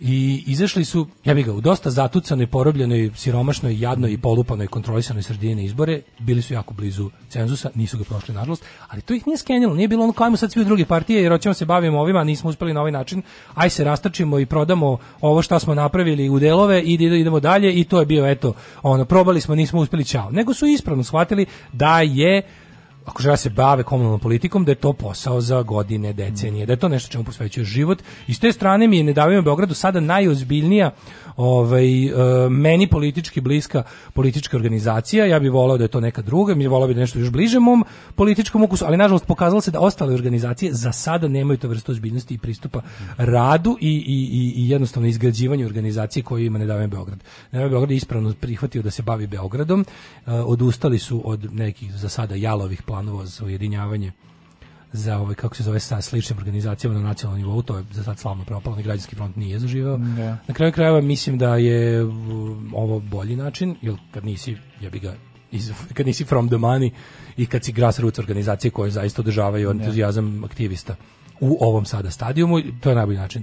Možemo je dosta slična priča, s tim što su oni imali eto sreće da već na prvim izborima na koji su izašli ostvaraju uspeh, jer, ali to je ta razlika između sredine ovdje i sredine tamo. I ono kad mi neko priča ja. Da. isto je ovdje, naravno da nije isto, pokazalo se po stoti put, jednostavno ne može se reći da je ovaj, u, u Hrvatskoj isto kao i u Srbiji, u Hrvatskoj je ipak mnogo bolje, što pokazuje gomila faktora, a jedan od tih faktora je ta da tamo jednostavno društvena svest na višem nivou, pa su za gradonane pustili u skupštinu da se čuje i tamo i njihov vlast, nego za gradonačelnika izabrali lika, dobro dugo, dugo mi je trebalo da im pad dođe iz dupeta u glavu i da skinu Bandića koji se jednostavno na sličan način kao Vučić u Srbiji hobotnicirao u Zagreb. Da.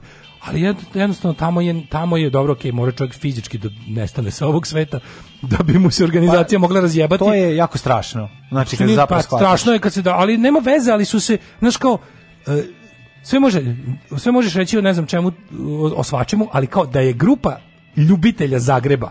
Da. Pravih ljudi, pravih purgira koji vole svoj grad, koji imaju neku ideju, koji imaju prvo ono kako da kažem, mržnju prema bandićizmu, mržnju prema investitorskom e, ovaj kako se zove urbanizmu, mržnju prema svim tim glupostima koje su davile Zagreb kao i Beograd su se politički brzo organizovali uradili gomilu stvari koje su za sada na našoj političkoj sceni i dalje nemoguće. Prvo što organizovanje ne tako, svako ko je na bilo koji način pokušao politički delo da se organizuje bilo kakvu grupu koja je politički predznak, zna koja je količina sujete ljudi koji su u tome ovaj, po prirodi jednostavno prisutna. I jednostavno to sve prenebregnuti, okupiti takve ljude na tako brzo i tako dobro se snaći, i naći svoj put je mislim to je jednostavno kako da umetnost. to je umetnost to je da. stvarno veština koju smo viđali samo kod lovom motivis, motivisanih interesnih grupa u ovom slučaju političkih stranka. Tako da je to jedna stvarno svetla tačka za od koje ja kažem ne znam da li možemo mnogo da primenimo, ali svakako naš taj entuzijazam, disciplinu i požrtvovanost možemo. I ako, ako neko u možemo vidi ne davimo da Beograd, da dajemo Beograd, mislim naš Da, da, ako, ako, je, ako je neko u tome može da vidi o recept za Damir Beograd, bilo bi super da ga tako vidi. Drugo, ono što je stvarno bilo prelepo je... Mi samo pričamo da ono da smo, da pošto Zagreb uvijek ono deseta godina ispred, što se pa tiče pa recimo, Hrvatske da, gene, da, da. ako možemo... Ne, da Zagreb da... po tom nekom, po stvarima koje su važne, znaš kao Beograd je možda urbaniji od Zagreba izgledom, ali je Znaš, on kao, ali, ali to ne prati, pa, znaš, kao taj, ono da što, mislim, eto, je... mrzim izraz gradski da, duh, ali, da. kao, pa Zagreb jeste grad malo više od građevina, znaš. Pa znam, ali, mislim, jeste grad Zagreb malo... u da. Evropskoj uniji, znaš, ono. Zagreb u Evropskoj da, uniji, da, da, da, ono, mislim, ali ja bi, ja bi se, znaš, kao, recimo, znaš, kao, isto to imaš, verovo ili ne, taj jači, taj, taj osjećaj grada kao neke, što kažemo, organske, ali neke zajednice ljudi i prostora je mnogo jači ovaj e, mesta gde recimo Beograd se stalno hvali svojom veličinom, svojom izgra, svojim znači kao jednostavno na oko je Beograd najurbaniji grad na Balkanu, ne. hands down. Ali recimo Sarajevo kao mnogo mahalastije u arhitektonskom smislu je je mnogo ima više gradskog duha. Jer kad pogledaj bilo bilo koju ko, na primjer bilo koja stvar kad se kad se u Sarajevu ima ima veću među sarajlisku solidarnost. Mislim, mm. ok, oni su imali, nisu to iskovali u jebenoj vatri, razumeš. Oni su to sve da su, i pre rata su bili takvi. E, ono što ih je provuklo kroz okupaciju je bilo to što su ono kao, znaš, izašli su izranjavani, jadni, polupani, promenjeni, gori, u smislu ono kao situacije u opštem gradu, ali su ali mi ostalo pazi danas pretili su onom Hadži Fejzoviću, mislim To ozbiljna masa ljudi je došla pre televiziju. Da, da, da. Znaš, kod nas ozbiljna masa ljudi više ne dođe nigde ako ih ne vučeš za rukav. Da. I onda tako neke si video antifašistički skup u, u Sarajevu prošle godine, ono kad je bilo kad je bilo naj onog nekog ustašluka. Pa mislim ceo grad je došao. Ceo grad je došao i to nije bio partijski skup. Došli ljudi koji su, znaš, i takve neke stvari su ti pokazatelj jednostavno Sad neko će reći da to možda i lakše jer je Beograd mnogo veći od Zagreba i od Sarajeva, više nego duplo ali jebi ga, ovo je komunalna politika koja bi trebala da se zapati baš u velikom gradu, mm. ova vrsta komunalne politike. Tako da ono, Znaš, mislim, pre presrećan sam zbog toga što je ono kao drugo, pazi, pa, sklonjen je Bandić, a sklonjen je... Pričamo način... o tome da bi treba, tako veliki grad bi trebao da ima taj jedan kak, nadnacionalni duh, znaš, to je ono što bi, što bi trebalo da krasi Velegrad, zar ne? A kao što kaže Stevo Žigon, no, ajte molim kakav Velegrad. Ne, ali znaš, kao to, je, to očekujem očekujem malo više, naš, od, od velikog grada, očekujemo od svih nas. Ja kad kažem, znaš, super što kad, to ja kad kažem, ja mislim, kad kažem, ovo ovo je sad samo priča za Beograd. Mi u Novom Sadu još ni nemamo nikakvu organizaciju koja bi ličila ni na Možemo, ni na Nedavlja pa Beograd za sada. I kod nas kad je to pokušano, to je pokušano lažno i prevaranski. Sećaš se da je nešto slično kao tu komunalnu priču bila ona ona ona ligi, ligino naprednjačka bedna prevara za, za lokalne izbore broj 4 na, na kako su se zvali? kako su se zvali oni? Ne mogu se. A onaj Ligin plan B što isto izduvao Kurčinu zajedno sa pokretom slobodnih građana. Nešto zeleno, šta? Kako se to zvalo, majko mila? Ne mogu se setim, setit ćete se ono ljubičasto. Ali znaš, to je bilo kao, u fazonu kao sad ćemo mi da zbunimo birače i da im dodatno poseremo veru u bilo kakvu promenu i bilo kakvu moć samorganizovane grupa, građana, E, jebe mu sunce, nema šanse. Sedi Grupa malograđana, nije važno. Neko će poslati već poruku. Ovaj bili su baš aktivni, onako i, i skandal, i spektakularno prdnuli čabar. Ali bilo lepo kod ovoga vidjeti, kod Zagreba je bilo lepo vidjeti dve stvari. Jedno je da je to kao pobeda jel, ono, kakve takve ovaj, samorganizovane komunalne politike lokalne koja je u svojoj srži ono što je najvažnije antifašistička i ono kao na strani građan, građana Ovaj, I sad to može da se izvuči pa oko tome kako su oni radili. Zagreb ima stvarno gomilu, ovaj, mislim, imali dva, ima dva jaka zemljotresa. Ima gomilu mesta da, se, da su ovi ljudi jako dobro to radili. Ne samo kao oportunistički, kao tipa, ono, desilo se sranje, pa to ćemo mi politički profitirati. Nego su se oni zaista to pokazali kao sposobni da nešto organizuju. A to je važnije, od, može čak i od te političke propagande. Da. Jer kad ljudi vide da tako je ova grupa ljudi koja zna da se sama, a nisu čak ni na vlasti, iz, iz svog manje više džepa finansiraju to sve, ovaj, znaju da se organizuju da urade nešto dobro za zajednicu koja je pogođena Božijim gnevom. Ono. Pa znam, ali ta, tako, ja tako da doživljam i ne davimo Beograd, zar ne? Mislim, to bi trebalo da bude nešto. Samo mislim da okolnosti u kojima se nalazimo mi ovaj, i činjenica da kaskamo jel da, za, da, drugo, za, za, drugo za, za Europsku uniju je će desiti toga da će na ova opcija kod nas doći ono deceniju, dve kasnije.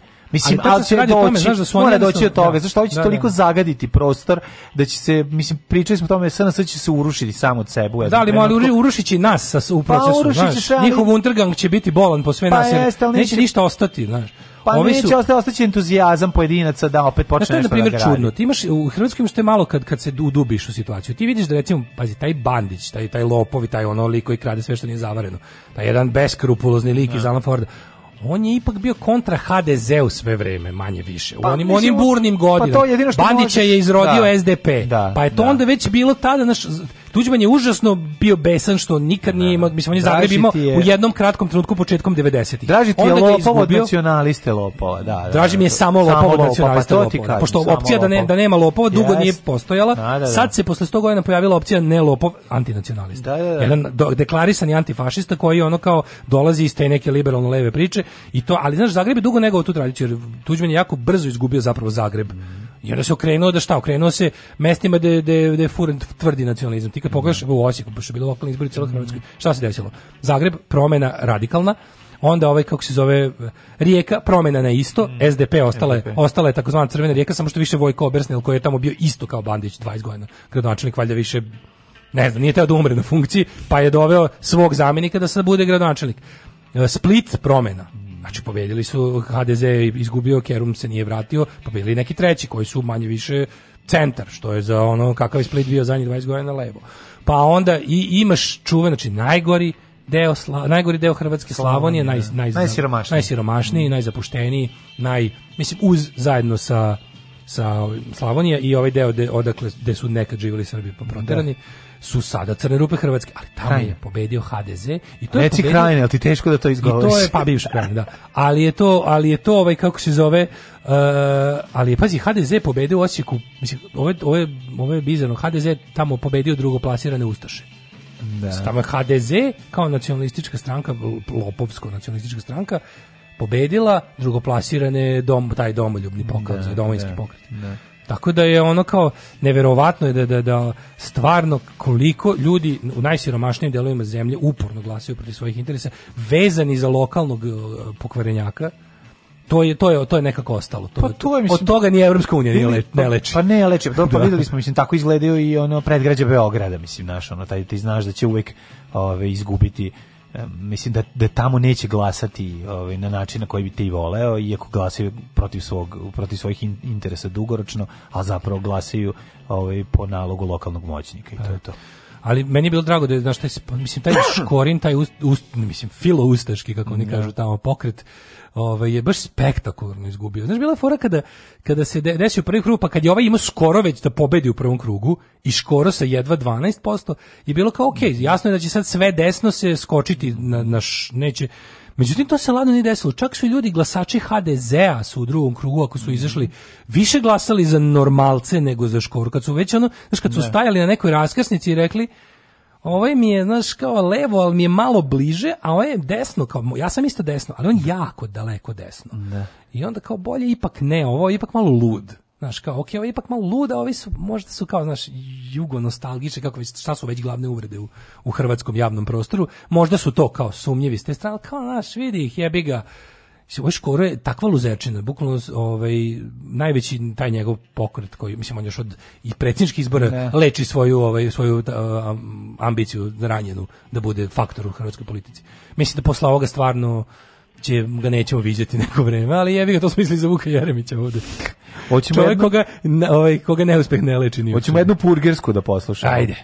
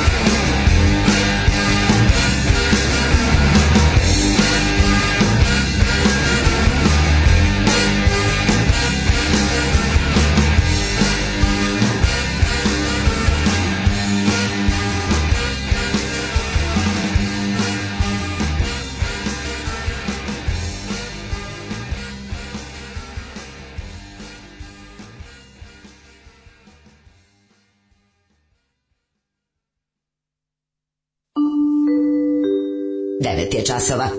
Radio Daško i Mlađa. Prvi program.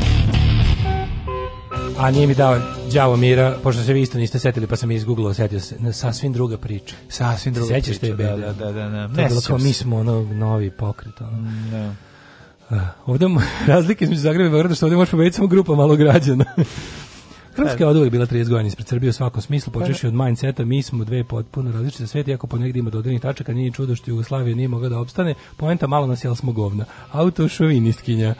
E, pa to je, ali ne, to nisu mentalitetske razlike, to je nešto što se može, samo što mi nikad nismo, nismo dopustili da, nikad, problem je što mi smo uvek, e, kad imamo problem kao različitosti, mi smo uvijek jedinimo, ravnamo se po gorem ne pokušamo nikada da ovog kojem, koji, kojem ide slabije malo popnemo pa, negde, pa, nego ovog spuštamo skroz do, da. do, do, ovog koji je na nižem stupnju. To ti je da prisajedinjenje Vojvodine, o tome su pričali hiljadu puta. Jedan na petom, drugi, jedan na drugom spratu. I sad ajde da se bar nađemo na, ne znam, da se nađemo na trećem ipo ili četvrtom spratu, ovaj pristane malo da siđe, da, da povuče ovog što je dole, a ovaj da sve od sebe da se podigne, ne, ne, ti s petog pa pređi na drugi, ti s petog pređi na drugi pa ćemo dalje. Nećeš I je podići belu palanku, nego ćeš da ono smanjiš ono, da. Pro, pro, prosek u Somboru. Pa mislim, da, to je ali to je šteta. To, je pa narode šteta. A to, to, meni je to nekako, to mi, to mi je vrhunski kolonijalni nakarani odnos. Ti stvarno onda više ispadne da ti stvari pocenjuješ te ljudi jer nemaš nikakvo očekivanje od njih. to, to je milo je, bre, to, to je milo je. Koliko imaš uh, ovih odličnih učenika? Misliš da je to mm. normalno? Treba da se svoje svede na prosek. Ja manastir Tuma ne zovem manastir Tuđmane. I kapiram da bi, kad bi to rekao nekom, ono, nekom otačbinaru narodu da bi te ubio. Da bi jednostavno te ubio. Ne bi, A ne, ono, samo bi, ne kažeš. Da, mislim, da te ne da ubije zbog jači, omana, Jačina zbog, ovog fazona je tolika. Zbog socko fazona, da. Jačina ovog fazona je tolika. Ove... Najbolje kad neko, brate, kada to, to kaže meni mom, da, da odeš na slavu i da kažeš to mom, da, da, da, da, ono bi te ubio. Pa, kao, ja, pa da, ja ne bih otišao na slavu. Kod a ja bi, meni dođe da mu odgovorim, pa ja bi tebe ubio da znam da neću odgovarati. Pa ne, I završimo, i završimo taj da demokratski dijalog. Pa ne, nego nije. A pa jedino što mene sprečava da da se na taj način obračunavam sa zlikovcima je što postoji zakon. I onda ti kažeš kao wow, a si mi rekao ono. Ja znam, ne graje se o tome kome si otišao na slavu i govorio ono manastir da. Tuđmane. Mislim ne, a pogotovo da. ako sedi deda ili neko koga će to pogoditi. A pa mislim nisi ni ti kreten, ono sad da, da dođeš pa da znaš kao taj taj momenat gde kao Ove, ovaj, stav pravljenje situacije koje se neće desiti, ovaj i od toga pravljenje priče, to je potpuno suludo. Ovo je isto dobro, beograđani žive u kraju. Loša saobraćajna infrastruktura i sirotinja ne vode u gradsku koheziju. To je isto mm. dosta tačno. Mm. I to je stvar, ne samo novo, Beograđani, novosađeni žive u kraju. E. I fragmentacija gradova, znači ne da, ali pazi, tu sad ima nešto to jako čudno. To može da bude u jednu, u jednu ruku i prednost kad se dobro napravi, a možda bude i hendikep jer je fora fragmentirane gradske opštine bi trebalo da mislim pazi sistem nije tako ako već imaš fragmentirana grad onda treba da imaš i fragmentiranu gradsku skupštinu da je varijanta bilo bi super da predstavnici svih tih krajeva budu naš kao ono, a mi imamo izbore u kojima ti jednostavno ne, ne, ne biraš nikog da predstavlja tvoj kraj. Naša skupština od lokalne do republičke ne predstavlja nikakve ljude. Ti znaš da ono kao, si gledao, ne, sećaš se onog istraživanja da kao, naši, na, tipa, ne znam, 85% poslanika u Skupštini su iz Beograda, Novog Sada i Niša. Ne. Mislim, brate, milion. Znači, glas Glas ne, Čuprije se, da se ne, ne čuje. čuje. Pa da, glas pa da. Kikinde se ne pa čuje. Pa da. I to je isto tako u gradskoj skupštini. Ti imaš isto maglovite liste gde ti glasaš za stranku, ona tamo pošalje koga hoće. I po, a koga pošalje? Baš će sigurno poslati. E, imali smo našeg čoveka koji je, ako ništa druga, za celu stvar poginuo na Pejićevim salašima, ne znam, u, u, u Lupiću, u Krnjači se odro dupe da, da uradi nešto. Znam, ali jebi ga, nismo zato pravili izbore. Pravili smo izbore da žena moga, ono, žena našeg lika iz centrale, da i ona ima neki mandat. Tako, I tako da, izvesno Vesnu jebi ga iz, iz Savračara, a razumeš ono Srki koji je, nemam pojma, gulio bulju po krnječi, hvala mu puno, setit ćemo ga, zaposlit ćemo mu ženu. Sluši naslov u kuriru, a, čistka, Ana, razjurićemo limuzina bandu. To, mi ne, to je kao li, juče, limuzina banda. Jesi ti juče gledao, molim te, onaj predlog u utisku, ovaj, gde Ana Brnebić kaže, ko, ko, ko ima hrabrosti u tužu, zašto Srbija ne napreduje? Ko hrabrosti u tužilaštvu ima da se suprotstavi Đilasu? Pitam ja vas. Pitam ja vas. Jeste vi i kao pitaju me ljudi zašto mi smo zadovoljni, ali ne možemo. Naše pravosuđe je jednostavno paralisano niko nema je, to su ljudi ipak koji imaju porodice, koji su kao, znaš, jesu oni kao dobri, ali suprostaviti se ljudima koji imaju tu moć kao i onda krene nabre da, da. to su jedni od najvećih tajkuna ne samo ovde, nego na svetu Naravno. to su da, da vi shvatate šta znači kada vi pokušate se zameriti nekom ko ima 600 miliona evra i ti svi ljudi sa svojim kao mislim moramo imati razumevanje za tužilaštvo koje je tako malo tapko mestu jer jednostavno nema snage da se suprotstavi džilasu. Jebote Bogu. E, a pored ono kao, pored one Irena Vujović on skida i stavlja masku, više ne zna šta će od sebe, ono je presmešno jebote. Znači, znaš, ono, pričaš, Ana, Ana Brnemić koja pokušava sebe da ubedi u to što priča, a vidi se da je malo i dosadno koliko lupeta. Znaš, kao kad ja ono zabavljam decu četvrti sat, pa više, znaš, ono kao, prva dva sata sam se trudio da moje, da moje konstrukcije, što što pričam deci imaju nekog smisla, da smislim neki kanon, da deci imaju šta da pitaju, da ja kao odgovaram, u četvrtom satu je već ono kao anything goes. kao, samo nešto. Teo sam da imamo još jednu ovaj temu, pa, ali sačuvat ćemo je za sutra. Istraživač, važnost istraživačkog novinarstva ćemo sačuvati za sutra, a mi idemo, slušamo pesmu jednu, tako je, pa onda tako idemo je, djecet. Tako je, Ajde. može, može. Tata crnac. Pa neke si. Dođe. Ajde, izvolite na kafu. Ušte ste unutra, dođite na kafu. Pa dobro. Ajde, izvolite. Alarm sa mlađom i Daškom.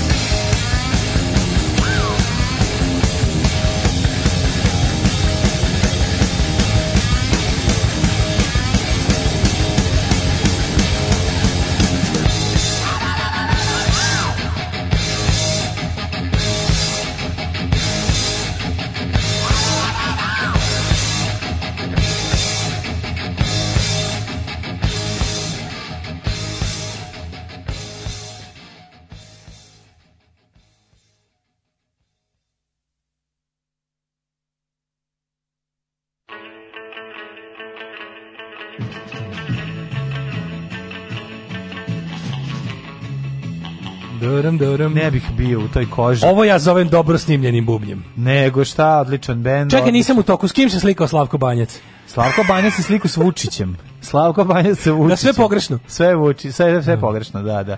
glas Jagodine se čuje, pa to je... E, Vučić i Slavko Banjac daće ti bosanac. Glas samo da Jagodine da se čuje, to je samo zato što se sticem okolnosti tamo je jedan od moćnika. Kao što se jedno vreme, sećate se, ni 90-ih se nije čula Srbija, al se čuje recimo Svilajnac i Trstenik, da, da, koji su da. by the way bedni. Mm. Ali su u to vreme imali Bidžu i Raku, I onda smo jebi ga slušali o tome što ništa dobro nije donelo ni Svilancu ni Trsteniku, ostalo ostala crna rupa. Hoćemo jet set? Uh, hoćemo ovaj uh, ajmo da da ajmo, ajmo.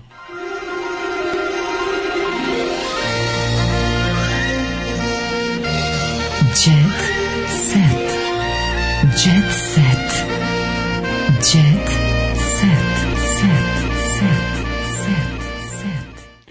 Evo ako ovaj, u 9.45 da vidimo šta je Baby Doll radila dva meseca nakon što je napustila eh, Reality Farmu. Kaže, dva meseca sam nosila sekiru po Beogradu posle prve sezone Realitya Farma.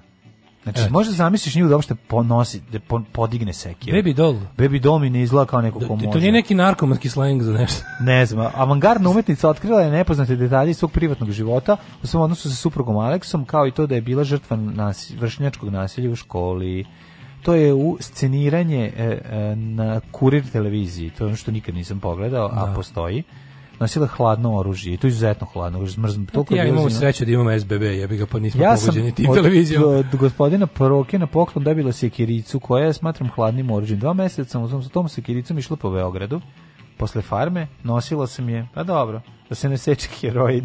Nosila ja kaže da nije dobro, dobro, dobro da se radi o pravoj sekiri od majstora. Da, da, ja sam da, mislio da, da. to neki junkie slang za nešto mm, kao. Nosila sam sekiricu kao to je tipa to hero, da. heroin da. u je mišomora ili da. ili ne znam ili tupa igla za špric ili tako Nešto. Ja sam izvojila svoju veliku pobedu, ovaj ista količina bez bezoborazluka kao u osnovnoj školi priča o suprugu, o jedan mi od... Sviđa mi izjava Bajra Župića, protivnike sam tukao, ali nikog nisam povredio. dobro, dobro. Ove. Ovaj. Baby eh, je moj muzički idol, kaže Nataša, ovaj, i to Nataša Bekvalac. E, koja je, by the way, zategnuta kao praćka prema pisanju Blica. Ja, jeste. Da, njen novi album biće feministički. shvatila da je she cornered the market. Pa nije skontala da skontala tu, tu, je, to, tu je da, dobro, da da da, da, da, da, tu treba ga gaziti. Tu treba gaziti. To je, to je niša tržišta, tržišna koju još niko nije osvojio. I može samo to, stidljivo. To je pokušala drugarica ovaj kako se zove? Ko? A ne, ne, ne. Tošićeva ova. Koja?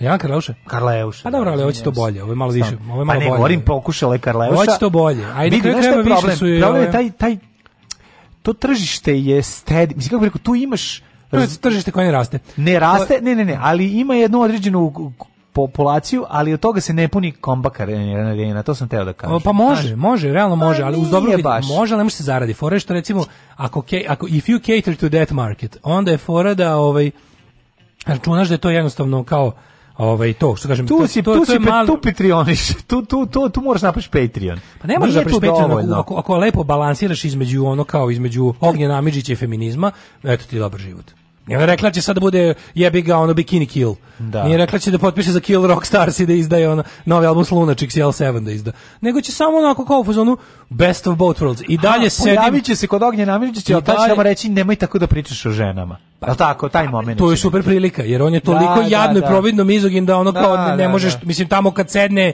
Tamo ceca da sedne ispršće feminističke ikone, jednostavno čovjek da. tolika svinja da... Dobro, on pa, posjeća zašto on ne smije ništa da kaže, Znaš, ne zato što... Kad prdneš sedi pored čoveka koji se usro, da, znaš, pa da, dok, dok, da, da. bar dok ti ne izvetri tvoje. Da, da, Tako da, da i ovo kao, znaš, ako hoćeš, da budeš, mislim, odeš kod Ognja Amidžića, pa odeš pa budeš progresivan kakav si dasi. Ali mislim da će to biti kao to, kao u fazonu. Zašto ne bi na svoju inače ognje Namidžićsku publiku dodala i malo intelektualke s Twittera, šta fali?